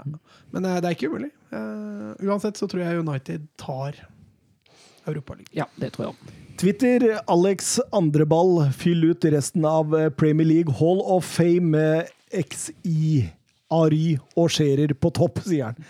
Jeg vil flytte Ari ut på venstre, jeg, da. Ville det, ja. Ja, men dette er spillere som har lagt opp, ikke sant? Ja, Du kan ikke være Hall of. Fame. eh, Nei. nei. Men har ikke vi hatt noe lignende Vi har hatt, vi har hatt en eh, Premier League-eleven 2000 til 2020. Ja. Jo, jo, men nå, nå, og nå da kan- fikk nå vi jo kan- så jækla tyn for å ikke ha med Gerard, husker Det jeg. stemmer. Så vi må ha med Gerard? Der, det det Nei, vi vi skal være kontroversielle, så jeg foreslår at vi drar inn Cantona. Cantona, ja. På topp? Med Men- Ja, eller Peter Grouch. Crouch. Men kan ikke vi ha Ori Hvorfor, Hvem vil du ha på topp istedenfor Ori? Bergkamp, kanskje? Ja, men da tenker jeg at det er bedre med Giggs på venstre og Ori på topp. Ja, kanskje, kanskje. Ja, jeg også har jo den elveren egentlig grei. Altså Giggs på venstre og Beckham på høyre. Mm. Og i hvert fall Lampard sentral, den er spikra. Eh, og så eh, Kan godt ta med Gerrard denne gangen istedenfor Scholes, med tanke på at Gerrard ikke kommer i den. Hva med Patrick Vieira? Ja, det går an, det òg. Nei. Nei, jeg står fortsatt på Scholes, jeg. Ja, ja. Det er greit, da. Ja. Da har du en eh, Scholes, Lampard, Beckham, Giggs, og så har du Scherer og Ary på topp. Hva er forsvaret vårt, da? Ja, Gary Neville på høyrebekk blir det vel vanskelig å styre Ja, for det der er nesten ikke konkurransen der. Altså. Te- Terry og Vidic sentrale og midtstopperne. Dette er de samme som vi hadde fra Ivoy 11, altså. Og Ashley Cole på venstre. da. Ja, det må jo bli det. Ja. Så tenker jeg Schmeichel i mål. Ja. Ganske heftig fotballag, det der. ja det er bra. Mangler, mangler en Bergkamp og en Cantona og en Le Tissier. Det der er ekstra lille. Ja, mangler jo Gerrard òg. Hvis vi ender opp med å bruke Scholes, så skulle jo selvfølgelig Gerrard også Han fortjener absolutt en plass der, Vi han. kan ikke skyve ut Scholes på høyre og sette Gerrard sentralt. Og vrake Beckham, Beckham. Ja. Ja. jeg elsker Beckham. Det er greit. Han er sexy òg, vet du. så. som fotballmessig. Altså. Men altså, Rio Ferdinand nå kunne jo Ja. forsvart en plass på den. Ja eh, og Sol Campbell òg er jo ikke Nei, han hadde ikke kunnet forsvart noe som helst Nei, plass for på deg den. så forsvarer han ingenting, det skjønner jeg. Hvis det var én dere savna inn på denne elveren vi snakka om her, da, hvem var det? Ja, det er jo. Det er, det er han som er min nærmest. Jeg, synes, jeg er helt enig med Thomas. Jeg syns Bergkamp burde Bergkamp var for meg noe Altså av Det det målet han har mot Newcastle, er eh, Jeg tror ikke det er skåret noe lignende Han mål. kom inn og revolusjonerte Arsenal sammen med eh, Arsène Wenger, altså. Eh, altså, måten han spilte på i for, form av en teknisk briljanse han, Bergkamp hadde alltid god tid, da. Ja, også den første touchen han hadde. Den var alltid overveid, godt tenkt. Um, nei, det var en nydelig fotballspiller. Ja, det, det er noe av det noe, Altså, det er, det er den Arsenal-spilleren jeg har hatt størst beundring for gjennom tidene. og, og at jeg skal ha det for en Arsenal-spiller, det, det skal litt til, altså. Du prøvde jo å få inn Vieira akkurat, da. Det var bare forslag. Eh, Glenn eh, Weber på Twitter. Jeg må flette inn litt eh, Bundesliga òg, det likte vel sikkert Søren. Ja, veldig fint, det. Og RB Leipzig. Hvilken tre RB Leipzig-spillere ville dere valgt til deres favorittlag? Fritt valg. Ja, For meg så er det i hvert fall én. Altså Dani Olmo må jo tilbake igjen til hjemtrakten, holdt jeg på å si. Eh, han kan jo både spille indreløper og kant, så han tror jeg kanskje kunne forsvart en, eh, i hvert fall en kantplass hvis de skulle spilt med det igjen. Opamecano, kan jeg velge han? Ja, han er Leipzig-spiller nå. Ja, Foreløpig Leipzig-spiller. tror jeg faktisk jeg går for Opamecano. Eh, Den tredje er vanskelig altså, for å finne en som går rett inn i det Barcelona-laget nå. Kanskje Angelino, en backup til Jordi Alba. Åh, en til backuper! Ja, jeg har Opamecano som midtstopper eh, ved siden av Lacroix. Det har vært helt strålende, selv om Brooks ikke har gjort seg bort denne sesongen. her. Uh, jeg lander også på om vi trenger jo kantspillere. Og så trenger vi uh, midtbanespillere som skal skape litt mer offensivt. Og da hadde jeg valgt Sabitz å bare flytta i en litt mer offensiv rolle enn det han har i Leipzig innimellom. Vi vurderte også en Konko, da. Valget mitt er ganske enkelt. Jeg digger Sabitzer, han må inn. Jeg digger Olmo, han må inn. Og jeg digger Zabuzlai, Zabuslai, han må selvfølgelig inn. Nei, altså for å være helt ærlig, hvis jeg skulle tatt Tottenham, og der man behøvde eh, kanskje litt spillere, da, så hadde Nordi Mokiele vært eh, god å ha inn i den eh, Tottenham-troppen. Eh, Sabitzer sier seg sjøl, og så en Opamecano inn på stopperen ville vært Trodde du hata han? Eller en Konate, men da måtte han vært skadefri, Ja, og det tror jeg ikke han er. Så Det er akkurat det, fordi Konate hadde jeg også gjerne tatt, men i tanke på en skadestyrke! Var det han jeg tenkte på i Leipzig? Ja. En ung gutt. Ja. Husker jeg prøvde å finne navnet hans Siste... jeg måtte søke det opp. De har jo, han er fra Ungarn, han òg, er han ikke det? Mm, tror det. Så han, han stopper skråstrek venstrevekk. 18 år, tror jeg. var det han de henta nå, det? Nei.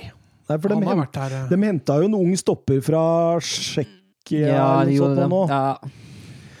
Ja, nok om det. Eh, Geir Halvor Kleiva, hva med en frustrasjonselver? Spillere der dere har revet dere i håret av å se dem gjøre ting de tror de er gode på, ja. Men på ingen måte mestrer. Spillere som har, dere har ropt i TV-skjermen fordi de gjør så dumme valg. Sleng gjerne inn noen artige historier. Eh, De får vi, den får vi ta neste uke, for det blei en eh, en real tenkejobb for meg på en sånn eh, ettermiddag, men eh, Søren, du ser ut som du har noen klar allerede. Ja, jeg veit vet hva, jeg kan fylle det godt med en del Wolfsburg og Lillestrøm-spillere der, så det er ikke noe, ikke noe problem. Jeg har én midtstopper, og den, jeg kan fortelle en historie neste uke, da. Men, eh, Er det ikke det Brooks? da? nei, det er Matlong. Alexander Matlong heter han. Jeg- den første jeg tenkte på, da, sånn Det var Vlad Kirikers. Tottenham-stopperen Ja, som han som skulle ha Tottenham som springbrett, Ja. husker jeg. Dette var bare et springbrett han det der. Han var så farlig baki der at du, du, du satt og Du satt faktisk og var livredd hver gang han hadde ballen. Og det, det samme egentlig med en som heter Sebastian Bassong, hvis dere husker han. Jeg har hørt navnet. Ja, ja, franskmann fra Han spilte vel i Norwich? Norwich, helt riktig. Han gikk til Norwich etter hvert når de fant ut at han spiller baller altfor farlig for oss hvis vi skal spille ut bakfra. Jeg, tenkte, altså jeg må innrømme at Den første jeg tenkte på da jeg leste spørsmålet, var Venicius Junior. Det var jo det aller Ja. som slo meg. Ja, jo, jo. Han var jo også inne på det samme med Inaki Williams, selv om han har motbevist oss de siste fem-seks serierundene nå. Ja da, absolutt. Inaki Vinjaki Williams, han der er jo ikke for seint. Men, men, men å se fotballkamp med deg, Mats, eh, så er det sånn Du er alltid ironisk når du når, 'Å, der gjorde du det bra! Og der var du konge! Og der tok du et godt valg!' Altså, Alexander Så du må jo sitte Ja, Alexander Tetti husker jeg at eh, ikke kunne forstå nå var du god, Tetti! Ja, Markus Henriksen og de gutta der, det Men vi kan jo få opp en ålreit elver her, da. Ja, vi kan det. Ellers er jo Martin Braithwaite, da, kanskje. Ja, Kanskje han blir med igjen. Han kan eh, fort forsvare en eh, plass. Ja. Ellers så husker jeg også Dmitrij Sjigrinskij fra Ukraina. Storkjøp! Ja, Han var kosta enormt med millioner, gjorde han ikke det? Jo, jo, jo. Og så brukte Guardiola han som et eksempel, husker jeg. Jeg ble fortalt, Det var Thierry Henry som fortalte den historien. At eh, han i, spilte to lange baller i bakrom i løpet av én omgang. Og da ble han ofra i pausen. For det var ikke kampplanen til Guardiola. Nei. Ja. Nei, så da så må du ut. Da må du ut! Og ut, det skal vi òg. Det fins jo han Ali Dia i Ja, han i Southampton. Ja. Ja. Men han, ha- altså, han var jo Det, det, det var jo en sjuk, sjuk historie, fordi ha- det var Graham Sunes som fikk han inn i, i, i Premier League, og, og åpenbart så det var litt sånn Lillestrøm hadde jo noe av det samme. Romanus Orienta. Ja. Orienta, ja. Fordi- At du har fått en annen spiller enn det du faktisk trodde du fikk. Ja, for på, Di, på Dia var det jo var det var, Han fikk vel en kompis eller kusseng eller noe sånt til å, til å ringe og si at uh, ja, nei, jeg, jeg, jeg, jeg, jeg er George Vea. Eh, Jeg har en, har en fette her som, som var skikkelig god. Og så fikk han vel 21 minutter bli bytta inn og bytta rett ut igjen nesten i, eh, i Premier League da man fant ut at dette var for dårlig.